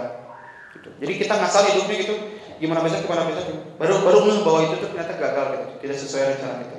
Nah itu kenapa penting kita harus memiliki rencana. Salah satu akhirnya momen yang tidak sesuai rencana adalah kekalahan Islam ketika di perang Hud, yang tadi tadi Robin Hood yang Ahmad ya gitu. Di perang Hud karena tidak tidak sesuai rencana. Rencananya apa? Ketika dipanangi itu menang, pemanah dia gitu, tenang. Coba cek lagi takutnya ada yang menyerang lagi, tapi ternyata tidak sesuai rencana gitu. Orang-orang jadi turun para pemanah. Nah di situlah Islam kalah. Nggak? Karena tidak sesuai rencana. Itu kenapa penting kita berencana. Saya singkat saja. Prinsip dari merencanakan hidup itu, prinsipnya adalah satu, membuat target dan koridor itu. Target adalah gini, ketika kita misalnya tadi sudah punya mimpi, saya ingin menjadi seorang eh, ahli ekonomi. Misalnya tadi wak- wakala misalnya mana ini hilang ternyata ya wakalanya. Gitu. Wakala ingin punya apa? Bisa mem- mem- memberdayakan, bisa mengembalikan kembali dirham dan dinar di Indonesia. Nah, itu kan ada tujuannya ya. Tapi gimana caranya gitu? Kita harus bikin. Ada targetnya gitu. Di tahun berapa hanya Indonesia bisa tidak bisa kembali menggunakan dirham dan dinar. Nah, itu ada targetnya. Itu satu. Koridor. Koridor ini adalah sering banget kalau kita anak-anak muda sekarang banyak tawaran untuk melakukan aktivitas. Ikut saya yuk, bantu saya yuk, ngerjain ini yuk, eh bisnis ini yuk, mau nggak? Oh jadi kita tuh banyak tawaran. Nah karena kita tidak punya tujuan hidup, jadi segala ajakan kita pertimbangkan. Oh oke deh, ya mau. Terus tiba-tiba orang tua kita misalnya datang, kamu jadi PNS aja deh. Gimana? Oh bagus juga sih jadi PNS. Kamu atau jangan jadi dokter aja? Ya boleh. Karena kita tidak punya tujuan hidup, kita tidak punya koridor. Koridor ini akan membatasi apa yang akan kita ambil, apa yang tidak akan kita ambil. Ketika ibu saya menawarkan saya jadi PNS, terus dia bilang, jadi PNS saya kata kayak si Kang itu cina dari jam 8 sampai jam 5 ngerjakan lumayan gitu. Nah bagi saya nggak mau saya mengerjakan itu. Akhirnya saya punya koridor, saya nggak mau melakukan aktivitas itu. Tapi saya punya tujuan untuk ada hubungannya dengan pendidikan dan mengajar. Saya tanya, Bu, PNS ada nggak yang ngajar? Ayah PNS bisa ngajar jadi dosen. Oh gitu? Ya udah, berarti saya mau jadi PNS, tapi jadi dosen hanya baik kalau gitu boleh. Nah, akhirnya ibu saya mau gitu. Saya bilang begitu. Walaupun saya juga belum jadi PNS ya. Iya. Tapi itu punya koridor. Kita bisa mampu menolak mana yang kita tahu, mana tidak. Yang kedua adalah waktu kita terbatas. Kenapa? Ya kita usia hidup paling berapa tahun sih? Segitu-segitunya ya, 60 tahun rata-rata. Jadi kita menjadi segala hal, jago segala hal tidak bisa. Waktu kita terbatas. Jadi kita benar-benar harus efektif mengambil langkah. Besok mengerjakan apa, bulan depan mengerjakan apa, dua bulan lagi, tiga bulan lagi. Itu harus kebayang. Kita tidak boleh ngasal. Nah berikutnya perencanaan hidup ini dinamis dan tidak kaku. Maksudnya gimana? Sering kalau kali kalau saya ikut tren tentang hidup, perencanaan hidup, dulu sampai dibikin apa sih? E, dikasih di selembar kertas, tulis target kita tahun ini apa, dua tahun lagi apa, tiga tahun lagi apa, empat tahun lagi. Nah saya merasa dulu ini diajarkannya harus ikut dengan rencana itu, harus mengejar rencana itu. Nah ketika saya tidak terkejar, saya jadi ngedrop karena saya merasa hidup saya tidak sesuai dengan apa yang saya rencanakan. Padahal tidak seperti itu. Nah namanya perencanaan hidup itu kita merencanakan, tapi dinamis, bisa berubah. Kenapa bisa berubah? Karena setiap hari, setiap waktu ilmu kita bisa bertambah. Contohnya hari ini saya mau S2 ah untuk jadi pebisnis. Eh, saya tidak akan S2 karena sebagai pebisnis saya tidak penting S2. Ketemu orang, dia bilang S2 aja tapi di luar negeri. Tiba-tiba ada rencana, ah berarti kalau gitu saya mau jadi S2.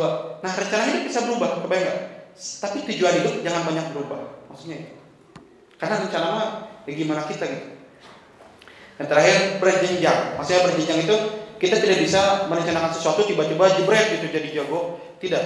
Tapi berjenjang. Kalau hari ini teman-teman bilang gini, Oke, saya ingin punya Innova dalam tiga tahun, berarti target saya 300 juta dalam setahun 100 juta minimal. Apakah setiap tahun yang 1 juta? Enggak. Bisa jadi tahun ini saya penghasilan saya cuma 50 juta per tahun. 50 juta itu berarti gaji 4 juta per bulan. Tahun depan ya jangan sama gitu. Harus naik gaji kita teh. Kenapa? Karena kalau tidak menikah, itu tanya tidak ada perubahan dalam hidup kita. Itu hanya satu contoh ya. Itu dari urusan finance. Habis selain itu apa? Kontribusi kita. Habis itu apa aktivitas kita? Ya kalau gitu-gitu aja tiap tahun berarti kita memang tidak berjenjang hidupnya. Segitu ya aktivitasnya tadi. Gimana sekarang dia ikut kajian gitu ya? Tahun ini ikut kajian targetnya ABCD, tahun depan sama ABCD gitu. Itu deh, itu deh, enggak gitu. Berkembang gitu. Level dakwah gimana saya mau berdakwah? Ya tahun ini belajar basic, tahun depan advance. Naik lagi, naik lagi. Jadi berjenjang. Kehidupan kita harus berjenjang. Semakin lama semakin tinggi kapasitasnya. Yang terakhir, merencanakan sesuatu ini butuh proses dan waktu. Jadi tidak instan. Jadi eh, kalau ada ikut pelatihan, misalnya terus tiba-tiba setelah selesai ini, inilah tujuan hidup kamu utama langsung. Menurut saya itu tidak relevan dan tidak logis. Karena menentukan tujuan hidup itu butuh waktu. Ketika saya dulu tak buat tiga tahun yang lalu saya memahami bakat saya apa, saya tidak langsung tujuan hidup saya jadi ini ya, enggak gitu. Saya memahami dulu apa sih yang peran apa yang akan saya ambil, yang bisa saya eh, optimal di situ ketika orang bilang Coki itu punya kekuatan dalam berbagi kepada orang lain. Nah, yang jadi pertanyaan berbagi apa? Dengan cara apa berbaginya? Apakah channel YouTube? Apakah e, langsung seperti ini? Seperti apa? Jadi itulah yang perlu saya perlu saya dalami. Ketika orang bilang Anda punya kemampuan menganalisis yang sangat tinggi, jadi jago lah misalnya menganalisis sesuatu. Nah itu kita harus tahu dengan kemampuan saya saya akan melakukan apa ya? Apakah jadi analisis keuangan? atau menjadi seorang yang misalnya analisis di bidang pendidikan atau seperti apa itu harus dipelajari dan tidak instan. Saya butuh dua tahun untuk menentukan saya ingin melakukan apa, menjalankan apa. Saya pribadi bisa lebih cepat, bisa. Dengan cara apa? Teman-teman bertemu dengan orang-orang yang sudah settle. Misalnya kalau teman-teman mau jadi pebisnis, ya daripada mengawang-awang harus ngapain, bertemu orang-orang yang sudah settle. Tanya, kenapa akan bisa secepat ini gitu? Nanti diajarin. Jadi Orang hebat adalah orang yang belajar dari kesalahan. Ya, tapi orang bijak adalah orang yang belajar dari kesalahan orang lain. Gitu. Jadi nanya aja gitu. Biar orang lain yang salah kita percepat. Gitu. Proses kita kita percepat. Ya. Kayak gitu prinsip-prinsipnya. Jadi, jadi ya seperti saya bilang life plan itu tiap orang berbeda karena tujuan hidup masing-masing berbeda. Kayak kuliah yang lulusan planologi sama lulusan apa sarjana planologi dan sarjana biologi akan beda jadwal kuliahnya akan beda juga kurikulumnya. Kenapa? Karena hasilnya beda. Makanya jangan membanding-bandingkan hidup kita gitu. Kalau tujuannya beda. Nah, kalau mau membandingin sama siapa? Dengan yang sama. Pebisnis sama pebisnis, coba diskusi bareng. Kenapa saya ketinggalan dan Anda lebih cepat? Oke? Ini caranya saya akan singkat saja karena waktunya terbatas. Sebenarnya hal ini teknis banget ya. Saya semoga ada waktu lagi untuk bahas ini lebih dalam. Tapi intinya ketika kita punya uh, ingin membuat sebuah life plan, yang paling utama tadi apa? Setelah membuat rencana hidup itu yang paling utama harus punya apa dulu? Tujuan hidup. Maka teman-teman harus men-state, mengucapkan, tuliskan di tembok di rumah itu di depan. Kalau di saya di, di, di meja saya di depan ditulis statement apa sih tujuan hidup saya itu? Saya ingin membuat apa? Saya ingin memberikan saya waktu yang saya punya apa untuk apa? Seperti itu. Apa yang kita ingin berikan apa yang kita lakukan ingin menjadi apa? Seperti apa? Itu tulis. Permasalahannya ditulis aja gitu. Sebebas mungkin mau satu paragraf mau apa ya. Saja jadi buku panjang gitu udah novel jadinya gitu. Cukup aja kan satu paragraf yang kedua kita bikin live kurikulum. Ini ini butuh e, berpikir agak panjang. Apa maksudnya live kurikulum? Ketika kita bilang saya ingin menjadi ahli ekonomi di bidang biar biar tidak ada riba lagi di Indonesia. Oke. Bisa? Bisa. Nah teman-teman nulis ketika saya mau menjadi seorang ahli ekonomi apa aja yang saya butuhkan dari bidang intelektualnya? Saya tuh harus punya gelar S2 atau S3 itu sih. Apa ilmu yang harus saya kuasai? Saya harus lulus dari bidang ini itu dari intelektual terus belum lagi dari uh, sisi banyak hal. Misalnya uh, kurikulumnya tuh saya itu harus uh, punya uh, pemikiran tidak tidak mudah tertekan oleh orang. Saya harus sabar. Terus kurikulum yang lainnya adalah Eh, saya harus punya pasangan seperti apa. Itu masuk ke dalam kurikulum hidup. Contohnya ketika saya bilang saya ingin concern di bidang pendidikan, saya punya kurikulum bahwa pasangan saya juga harus juga mem- mem- memahami atau memaklumi aktivitas yang saya akan saya lakukan. Makanya saya ketemu istri saya cepat banget gitu. Ketemu tiga minggu, setelah itu saya ajak nikah. Kenapa langsung saya ajak nikah? Karena di pertemuan pertama saya udah tahu bahwa secara latar belakang kita sama gitu.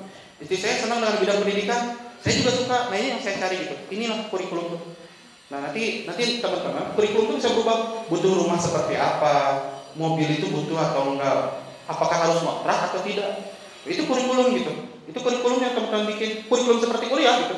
Kan kuliah tuh ya ada biologi dasar satu, semester depannya biologi dasar dua kalau saya. Nanti ada lagi, ada lagi, ada lagi. Nah seperti itulah kurikulum. Teman-teman bikin apa aja yang harus kita kuasai, apa yang harus kita miliki. Fisik, fisik penting nggak? Penting jadi kan. Itu saya baru disadarkan oleh mentor saya. Kalau dulu saya pengennya fisiknya kurus sebenarnya. Gitu. Maksudnya punya cita-cita fisik kurus, ternyata pas diajarkan bukan kurus itu fisik itu sehat dan bugar. Kenapa penting bugar? Agar teman-teman ketika misalnya baca buku lama tidak mudah mengantuk, ketika ikut kajian training tidak mudah mengantuk. Wah, itu ternyata harus seperti itu. Jadi, nah nanti dibikin kalau udah punya kurikulum, nanti kebayang, oh berarti saya harus berolahraga ya seminggu dua kali. Hari apa ya? Ketika teman-teman sudah punya kurikulum, teman-teman satu yang pertama punya koridor kehidupan, apa aja yang harus teman-teman lakukan gitu. Hingga usia 60 tahun, 70 tahun, 80 tahun. Rata-rata orang yang usia 60 tahun, cita-citanya itu hidup tenang, punya passive income, tinggal dengan masjid, mengurus cucu-cucunya agar ibadah tenang. Tenang gitu hidupnya usia 60 tahun. Padahal Rasul itu 60 tahun perang. Setelah 40 tahun itu mereka itu kontribusi besarnya itu setelah 40 tahun gitu. Nabi-nabi kan rata-rata setelah tua ya diangkat jadi nabinya. Kenapa diangkat jadi nabi tua? Karena sebelum jadi nabi itu persiapan meningkatkan kapasitas diri, belajar, sabaran, analitis itu. Rasul kan di Gua Hiro bukan nongkrong ya dulu, tapi berpikir bagaimana menyelesaikan masalah ini. Apakah dulu sudah masuk Islam? Belum, beliau tidak paham. Tapi dia ada keresahan nih. Ini orang-orang kafir Quraisy, kafir belum orang kafir ya. Ini orang-orang Quraisy kok begini perilakunya gitu, kok minum-minum, happy.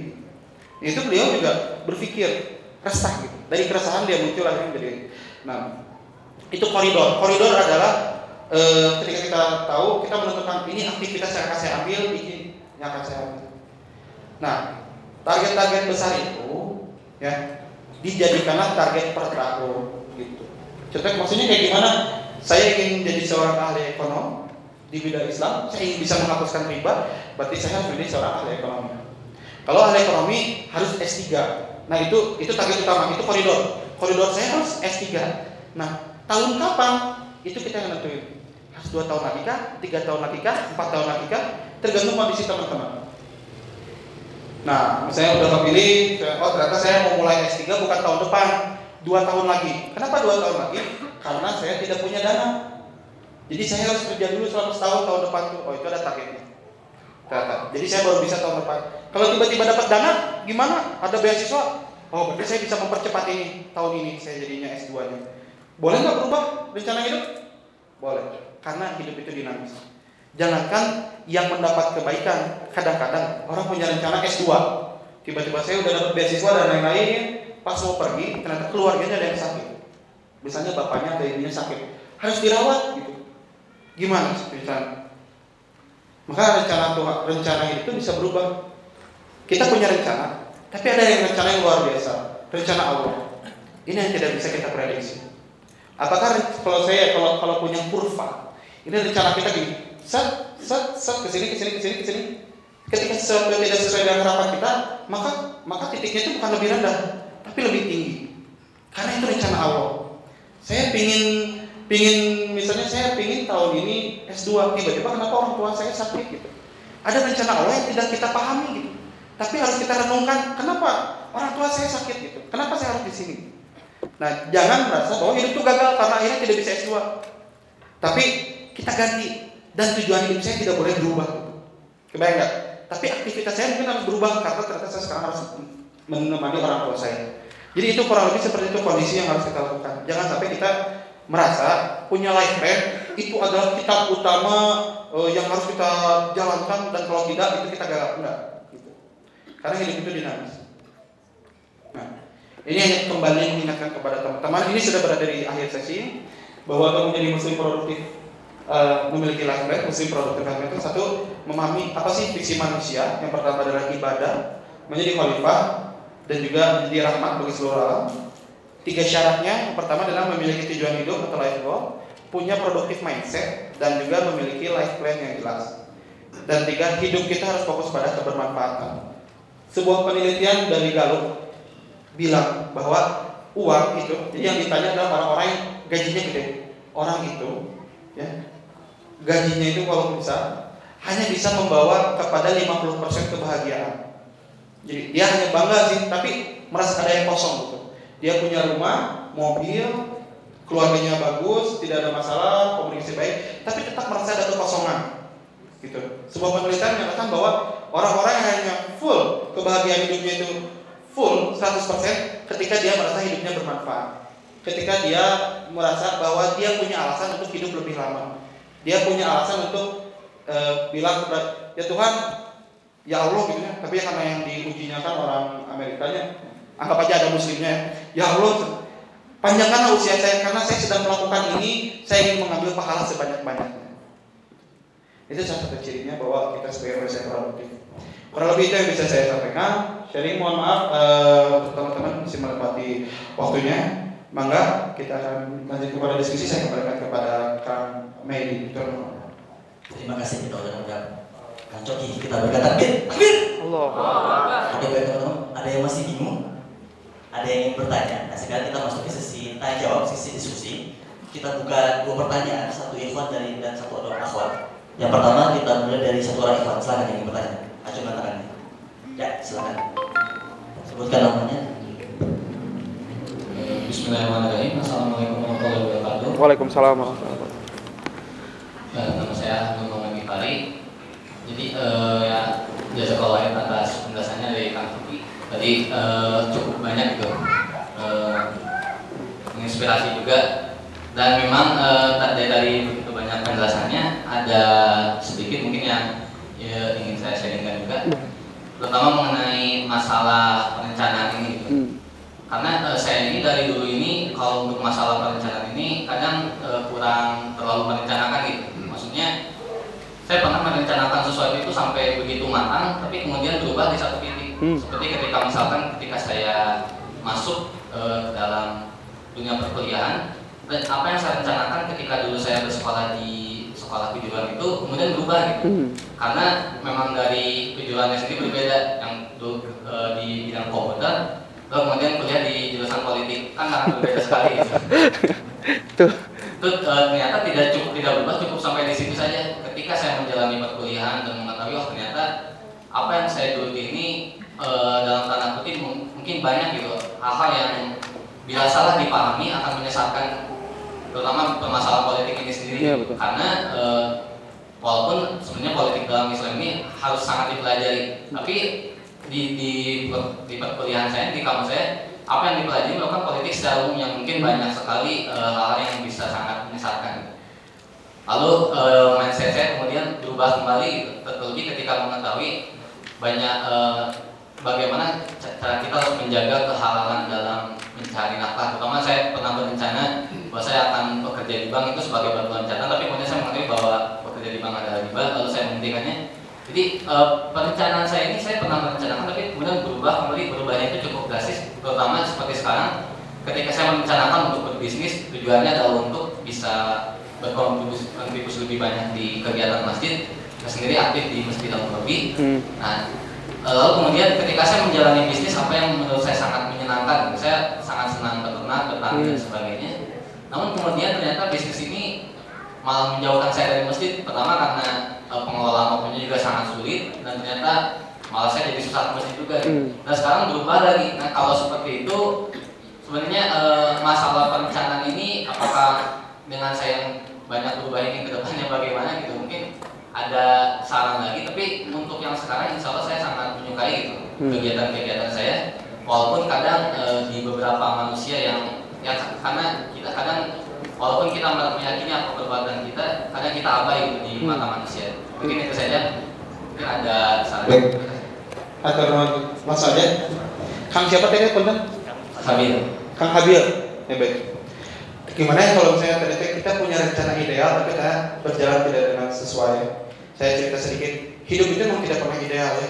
Jadi kalau misalnya apa namanya itu, anak saya teh suka bercanda ya, nah hidup itu tidak indah seperti yang kita bayangkan. anak saya teh ngalamun gitu ya. Mungkin dia akan memahaminya 20-30 tahun lagi ya. Karena hidup itu tidak ideal ya. Paling enak kerja di lingkungan seperti apa sih? Punya teman yang saling mendukung, tidak saling sikut-sikutan, baik hati. Tapi kan susah nyari pekerjaan seperti itu gitu. Selalu tidak tidak ideal. Ketika ada yang lingkungannya baik, gerakannya apa kerjanya di tempat sosial gitu. gajinya kurang misalnya ya, misalnya. Ada yang orang eh, gaji saya cukup di situ tapi sikut-sikutan gitu karena budaya seperti itu. Maksudnya adalah memang kondisi kita kita akan bertemu dengan ketidakidealan. Makanya saya bilang rencana hidup itu dinamis gitu. Kita harus bisa me- melihat ah ini tidak sesuai. Apakah masih harus tetap di situ atau tidak gitu? Tetap di situ ketika kita bisa beradaptasi. Tidak tidak usah di situ ketika kita tidak bisa beradaptasi. Jadi gimana kan saya ke kampus tapi ternyata misalnya saya ingin belajar politik Islam, tapi saya harus belajar politik dulu yang menurut saya menyesatkan. Misalnya. Pertanyaan saya adalah apakah itu salah atau tidak belajar politik itu? Misalnya gitu. Saya ingin mencari eh, akidah yang benar. Nah saya belajar tentang Syiah misalnya. Nah kenapa saya belajar Syiah? Karena saya harus tahu dulu akidah yang salah itu seperti apa misalnya. Jadi kebayang nggak? Jadi saya ada tujuan ketika saya belajar sesuatu, saya ada tujuan bukan asal gitu. Ya saya belajar ini, saya baca-baca. Nah itu yang satu. Jadi eh, ketika kita mendapatkan kondisi tidak ideal, itu ada hal yang akan sangat mungkin terjadi karena hidup itu tidak ideal sesuai harapan kita. Gitu. Makanya kalau ada yang bilang habis eh, S1 ke mana? Saya mau S2 ah. Ternyata IP-nya nggak nyampe 3 gitu, susah gitu. Akhirnya harus bayar sendiri, nggak punya uangnya. Nah itu coba dicari caranya gimana gitu. Ada teknisnya. Nah saya selalu merasa permasalahan teknis akan bisa diselesaikan dengan urusan teknis juga. Yang berat adalah masalah prinsip. Akan bilang tadi gini, saya suka beternak kan, tapi ternyata menjauhkan saya dari masjid gitu. Nah berarti pertanyaan saya, akangnya mau ke masjid nggak? Enggak, pertanyaan saya, mau nggak gitu? Kalau mau, berarti prinsipnya tidak berubah. Cuma teknisnya aja gitu. Berarti harus dibikin teknisnya jam berapa akan harus ke masjid. Itu kan berapa kilo misalnya jalan masjid terdekat kalau memang perlu. Nah ada nggak misalnya teh dicari hadisnya, ada nggak yang meringankan itu gitu kalau misalnya kondisi seperti ini? Tidak ada, harus ke masjid. Oke, teknisnya yang dirubah. Jam berapa? Apakah harus ternaknya saya bawa gitu ke dekat masjid atau saya malah bikin masjid di dekat situ? Itu kan teknis semua ya. Yang jadi problem adalah ketika kita prinsip saya tidak mau ke masjid, masjid di sebelah lagi pasti mau sholat gitu. Kebayang nggak? Nah jadi kalau pertanyaan kita, kan gimana saya teh susah. Bahkan ya kalau kata saya selalu ingat kata kata guru saya, ibadah terbaik adalah ibadah ketika kita sibuk. Sedekah terbaik dan sedekah ketika kita tidak punya uang. Kenapa? Karena sulit dilakukan gitu. Jadi tadi kan gimana kalau misalnya saya pingin apa ya beternak jadi menjauhkan saya. Bukan beternaknya gitu itu mah alasan yang dibuat gitu ya. Maksudnya banyak hal gitu. Ini ada orang tua saya begini ini ada lingkungan saya itu mah alasan dibuat gitu. Tapi sebenarnya itu sebenarnya kan masalah teknis. Maka solusinya adalah teknis juga. Saran saya adalah coba kita berusaha memikirkan ini teknisnya seperti apa sih untuk um, menyelesaikan masalah ini. Nah, gitu. insya Allah bisa. Tapi kalau sudah masalah prinsip itu agak berat. Karena mengubah prinsip seseorang itu susah. Itu sih kurang lebih gitu. jawabannya Kasih. Cukup menjawab ya. Oke kita lihat pertanyaan berikutnya dari Akhwat. Ada yang bertanya silakan. Ya silakan yang biru.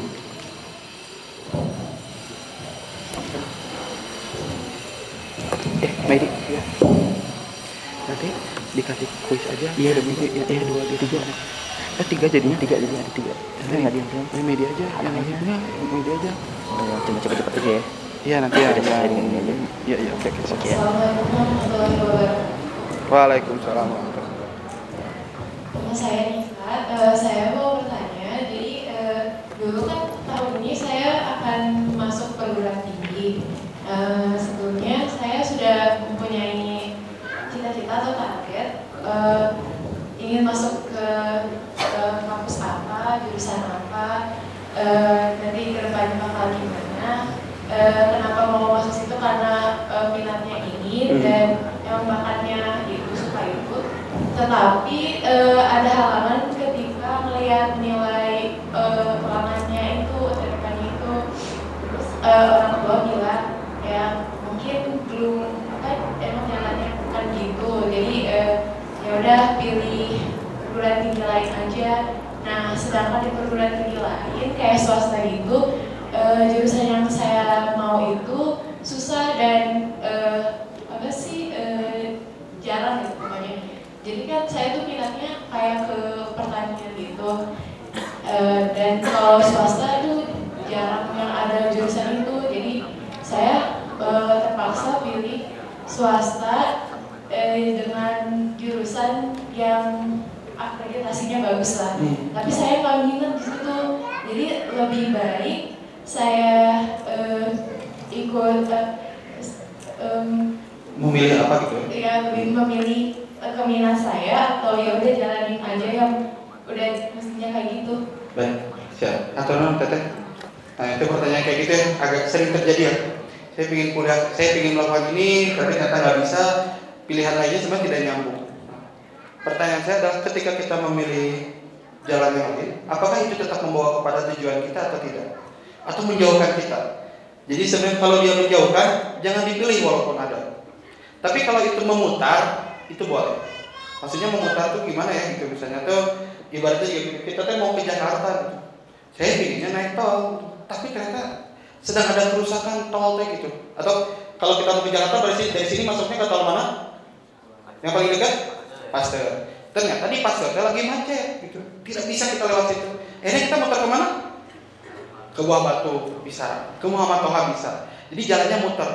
Nah, tapi kalau misalnya jalannya tiba-tiba kita muter dan memang tidak jadi tujuan ke sana gitu, nah itu jangan sampai gitu. Jadi jangan sampai kita berubah. Nah, pertanyaannya adalah gimana kalau misalnya kondisinya tidak memungkinkan. Nah, kalau urusan kuliah ini contoh aja ya, urusan kuliah idealnya adalah setelah SMA langsung kan? Kebayang nggak? Langsung. Tapi ternyata tidak memungkinkan. Nilai saya kurang. Masih nggak ada alternatif lain? Bisa. Teteh menanti satu tahun. Teh, eh, gimana saya menanti satu tahun? Ya setiap hal ada konsekuensinya. Setiap pilihan ada konsekuensinya. Ya mungkin setelah kita tunda, selama satu tahun ini belajar misalnya, akhirnya masuk di tahun depan, itu bisa tetap masuk dengan tujuan kita. Nah, ada hal-hal yang mungkin kalau kita punya kurikulum ya, ada hal-hal yang mungkin harusnya dilakukan pas kuliah, kita ambil duluan. Contoh, saya tuh misalnya ingin jadi seorang eh, public speaker di bidang pertanian. kan. Kalau pertanian mau jadi dosen harus punya ilmu public speaking. Saya nggak masuk tahun ini teh. Ah yaudah, tahun saya pas lagi kosong ini, saya akan belajar tentang dunia public speaking. Sambil saya belajar di nanti tahun depan. Yang berat mah apa? Yang berat mah adalah menghadapi omongan orang. Nah, atau kuliah baru lulus masa nunggu setahun. Yang berat mah menghadapi itu. Ya, jadi itu juga harus belajar bagaimana akhirnya kita itu sabar dalam menghadapi komentar orang lain. Itu juga salah satunya. Jadi mindsetnya adalah jangan merubah tujuan hidup kita jika memang tujuannya sudah benar gitu. Makanya saya bilang, memang rencana hidup itu akan bisa berubah. Karena gini, sepintar apa pun kita, sepintar apa pun kita, ya kalau memang ada yang lebih pintar, ya mohon maaf gitu, kita nggak bisa masuk ke kampus itu gitu ya. Saya di, di sekolah nilainya 100 semua gitu, cuman matematiknya doang yang 99 satu biji, tapi ada orang lainnya 100 semua bahkan ya dia yang masuk walaupun cuma beda satu. Makanya jangan pernah merasa hidup ini ciut atau gagal ketika kita tidak mencapai sesuatu yang sebenarnya itu cuma misi aja, jalan aja gitu. Gitu. Itu cuma saya nggak masuk kampus ini, ya udah masih ada waktu tahun depan atau cari cara yang lain. Gitu. Kurang lebih seperti itu. Gitu teh. Jadi jangan sampai gini, jangan sampai gini. Ya udah deh untuk sementara karena nggak ada saya ambil jalan ini dulu. Mohon maaf. Ketika kita misalnya lulus SMA, ada anak ditanya mau kuliah dulu atau kerja dulu setahun sambil nunggu. Bisa jadi ketika dia akhirnya masuk ke tempat kerja selama setahun, dia punya mindset untuk tidak kuliah lagi tahun depan. Kenapa? Karena dia bergaul dengan orang lain tidak kuliah lagi. Setelah satu tahun tahun depannya ditanya mau kuliah lagi nggak? Kayaknya enggak. Sekarang saya mau langsung kerja aja. Jadi berubah lagi tujuan hidupnya gara-gara itu. Makanya setiap pilihan hidup harus kita tentukan uh, dengan matang, dengan pasti. Kita tahu konsekuensinya apa. Yang pasti setiap uh, jalan hidup ada konsekuensinya. Ada yang harus kita bayar, ada yang harus kita korbankan. Gitu. Karena pada dasarnya hidup tidak ideal. Itu sih kurang Atau.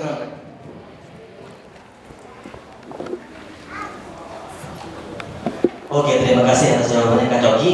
Nah, karena kita berhubung waktu terbatas ya Kak ya, sekarang kita masuk lagi ke sesi berikutnya, yaitu sesi quiz, quiz, dan quiz.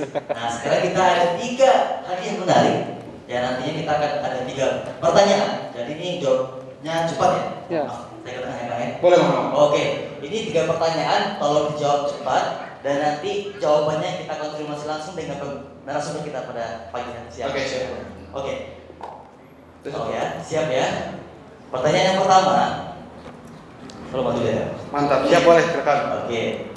Sebutkan tiga visi misi hidup seorang muslim beserta dalilnya. Beserta dalilnya ya dan itu yang depan. Silakan. eh, keren keren. Bisa langsung. Nggak apa-apa ya, nggak pakai mic ya. Nggak apa-apa ini apa-apa. di luar di luar ini saya banyak ada dalilnya juga disebutin. Silakan Mangga teh. Silakan teh. Sebelumnya perkenalkan nama saya Agnes. Ya siap teh. Jawabannya visi yang pertama ibadah.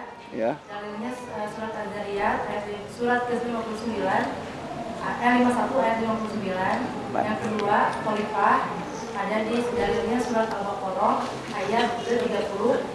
Yang ketiga rahmah sebagai rahmah dalilnya ada di Al-Fatihah ayat 1. Alhamdulillah rabbil alamin. Rahmatan lil alamin. Kok kurang tepat yang Gimana? ketiga. Kurang tepat. Yang yang pertama Az-Zariyat Yang ayat pertamanya 56. Nah. Ya gimana nih kak? Ada nggak apa-apa kasih aja karena durasi waktu. apa-apa ya. Yang ketiga bukan dari eh, alamiah ya. satu. ya alamiah ya. Oke. Diterima? Diterima nggak apa-apa lah, nggak apa-apa. Sudah berani mencoba ya. Oke. Khusus yang pertama aja. Yang pertama aja. Kedua tidak ada ya, berani doang Harus benar soalnya kedua harus Ya. benar ya. Nah sekarang soal yang kedua. Siap-siap. Sebutkan tiga syarat menjadi musuh produktif. Oh, silakan. Lagi ini nggak ada. Silakan.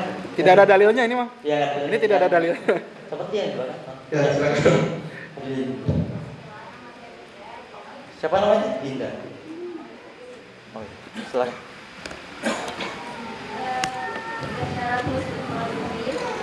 Pertama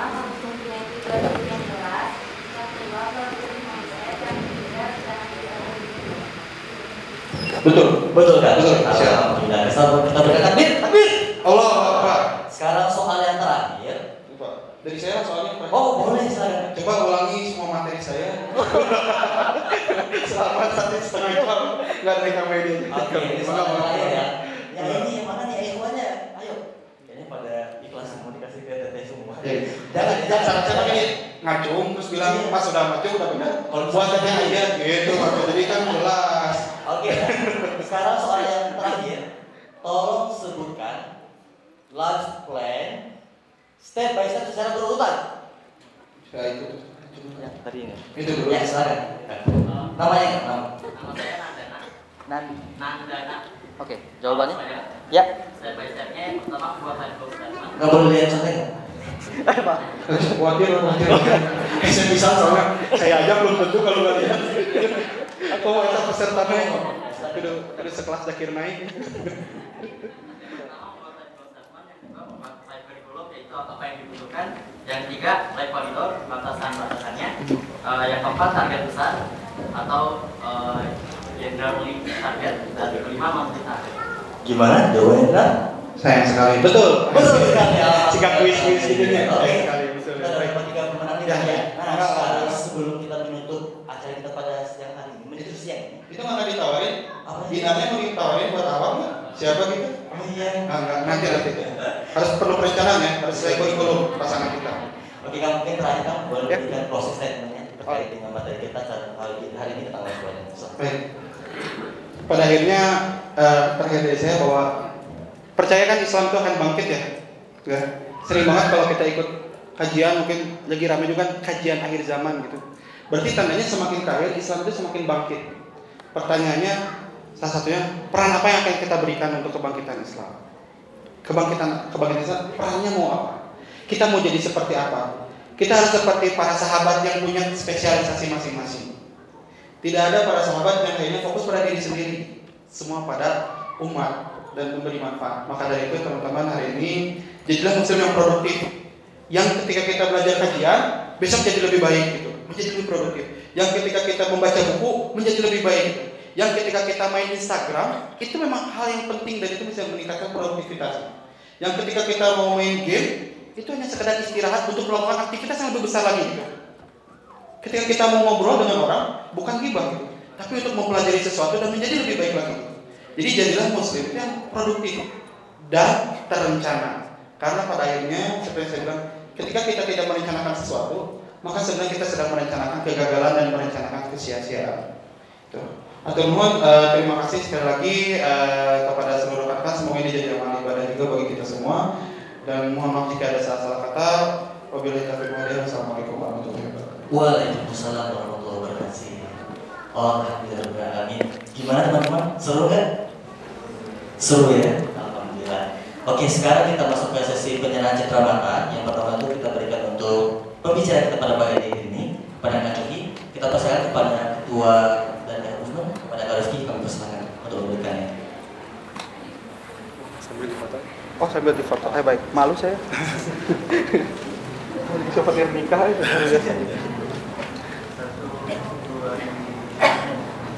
Siap, nggak salah. Orang juga jual properti. Pada mau ropak. Kang ini ada. Eh, alhamdulillah teman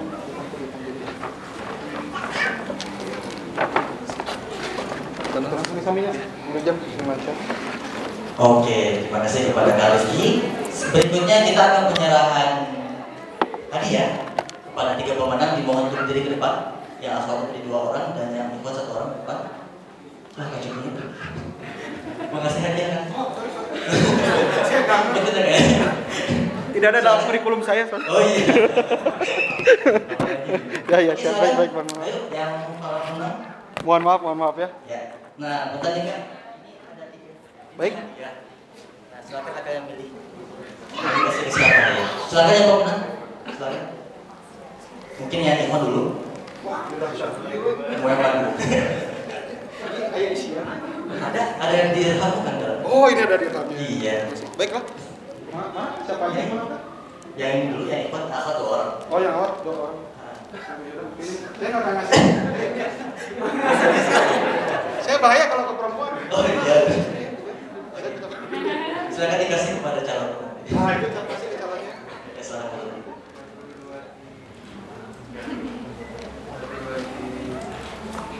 Oke, alhamdulillah. Sekarang yang akhwat silakan jadi ke depan. Bangga, bangga. Eh, kumaha menentukannya teh? Silakan. Oh, gitulah. Saya mah adil lah. Sweet lah, sweet. Jangan sama saya kan kayaknya. Sweet ya, Pak. Ya tahu siapa yang menentukan. Oh gitu. Oh jadi ada dua yang menang yang apa nih? Yang mana yang ini? Oh. Yang mana yang ini? Duluan. Satu. Sweet Islam, Bapak Islam. Sweet Islam. Kumaha sih Islam? Bismillah. Ya, udah. Yang ini kaos, yang ini buku. Dua juga. Mana boleh? Siap? Iya. Siap. Mana? Oh, di foto. Malu.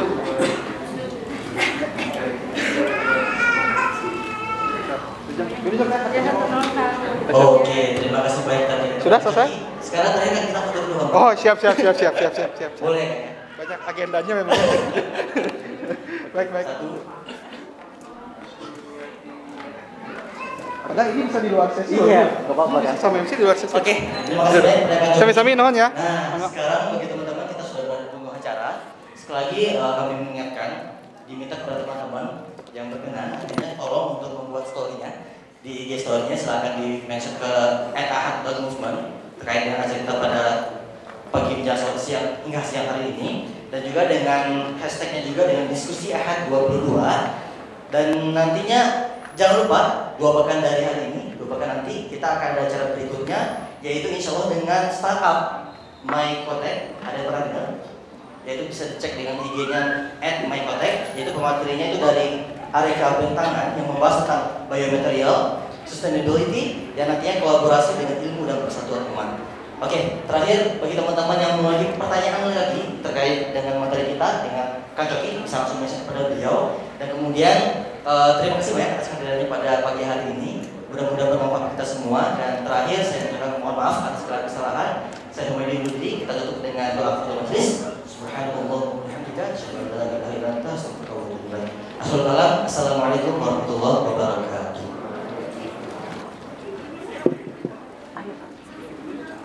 Oh ya. Oh ya. terakhir ayo kita foto dulu foto dulu Semuanya foto di depan Iya, foto di betul depan semua. Ayo,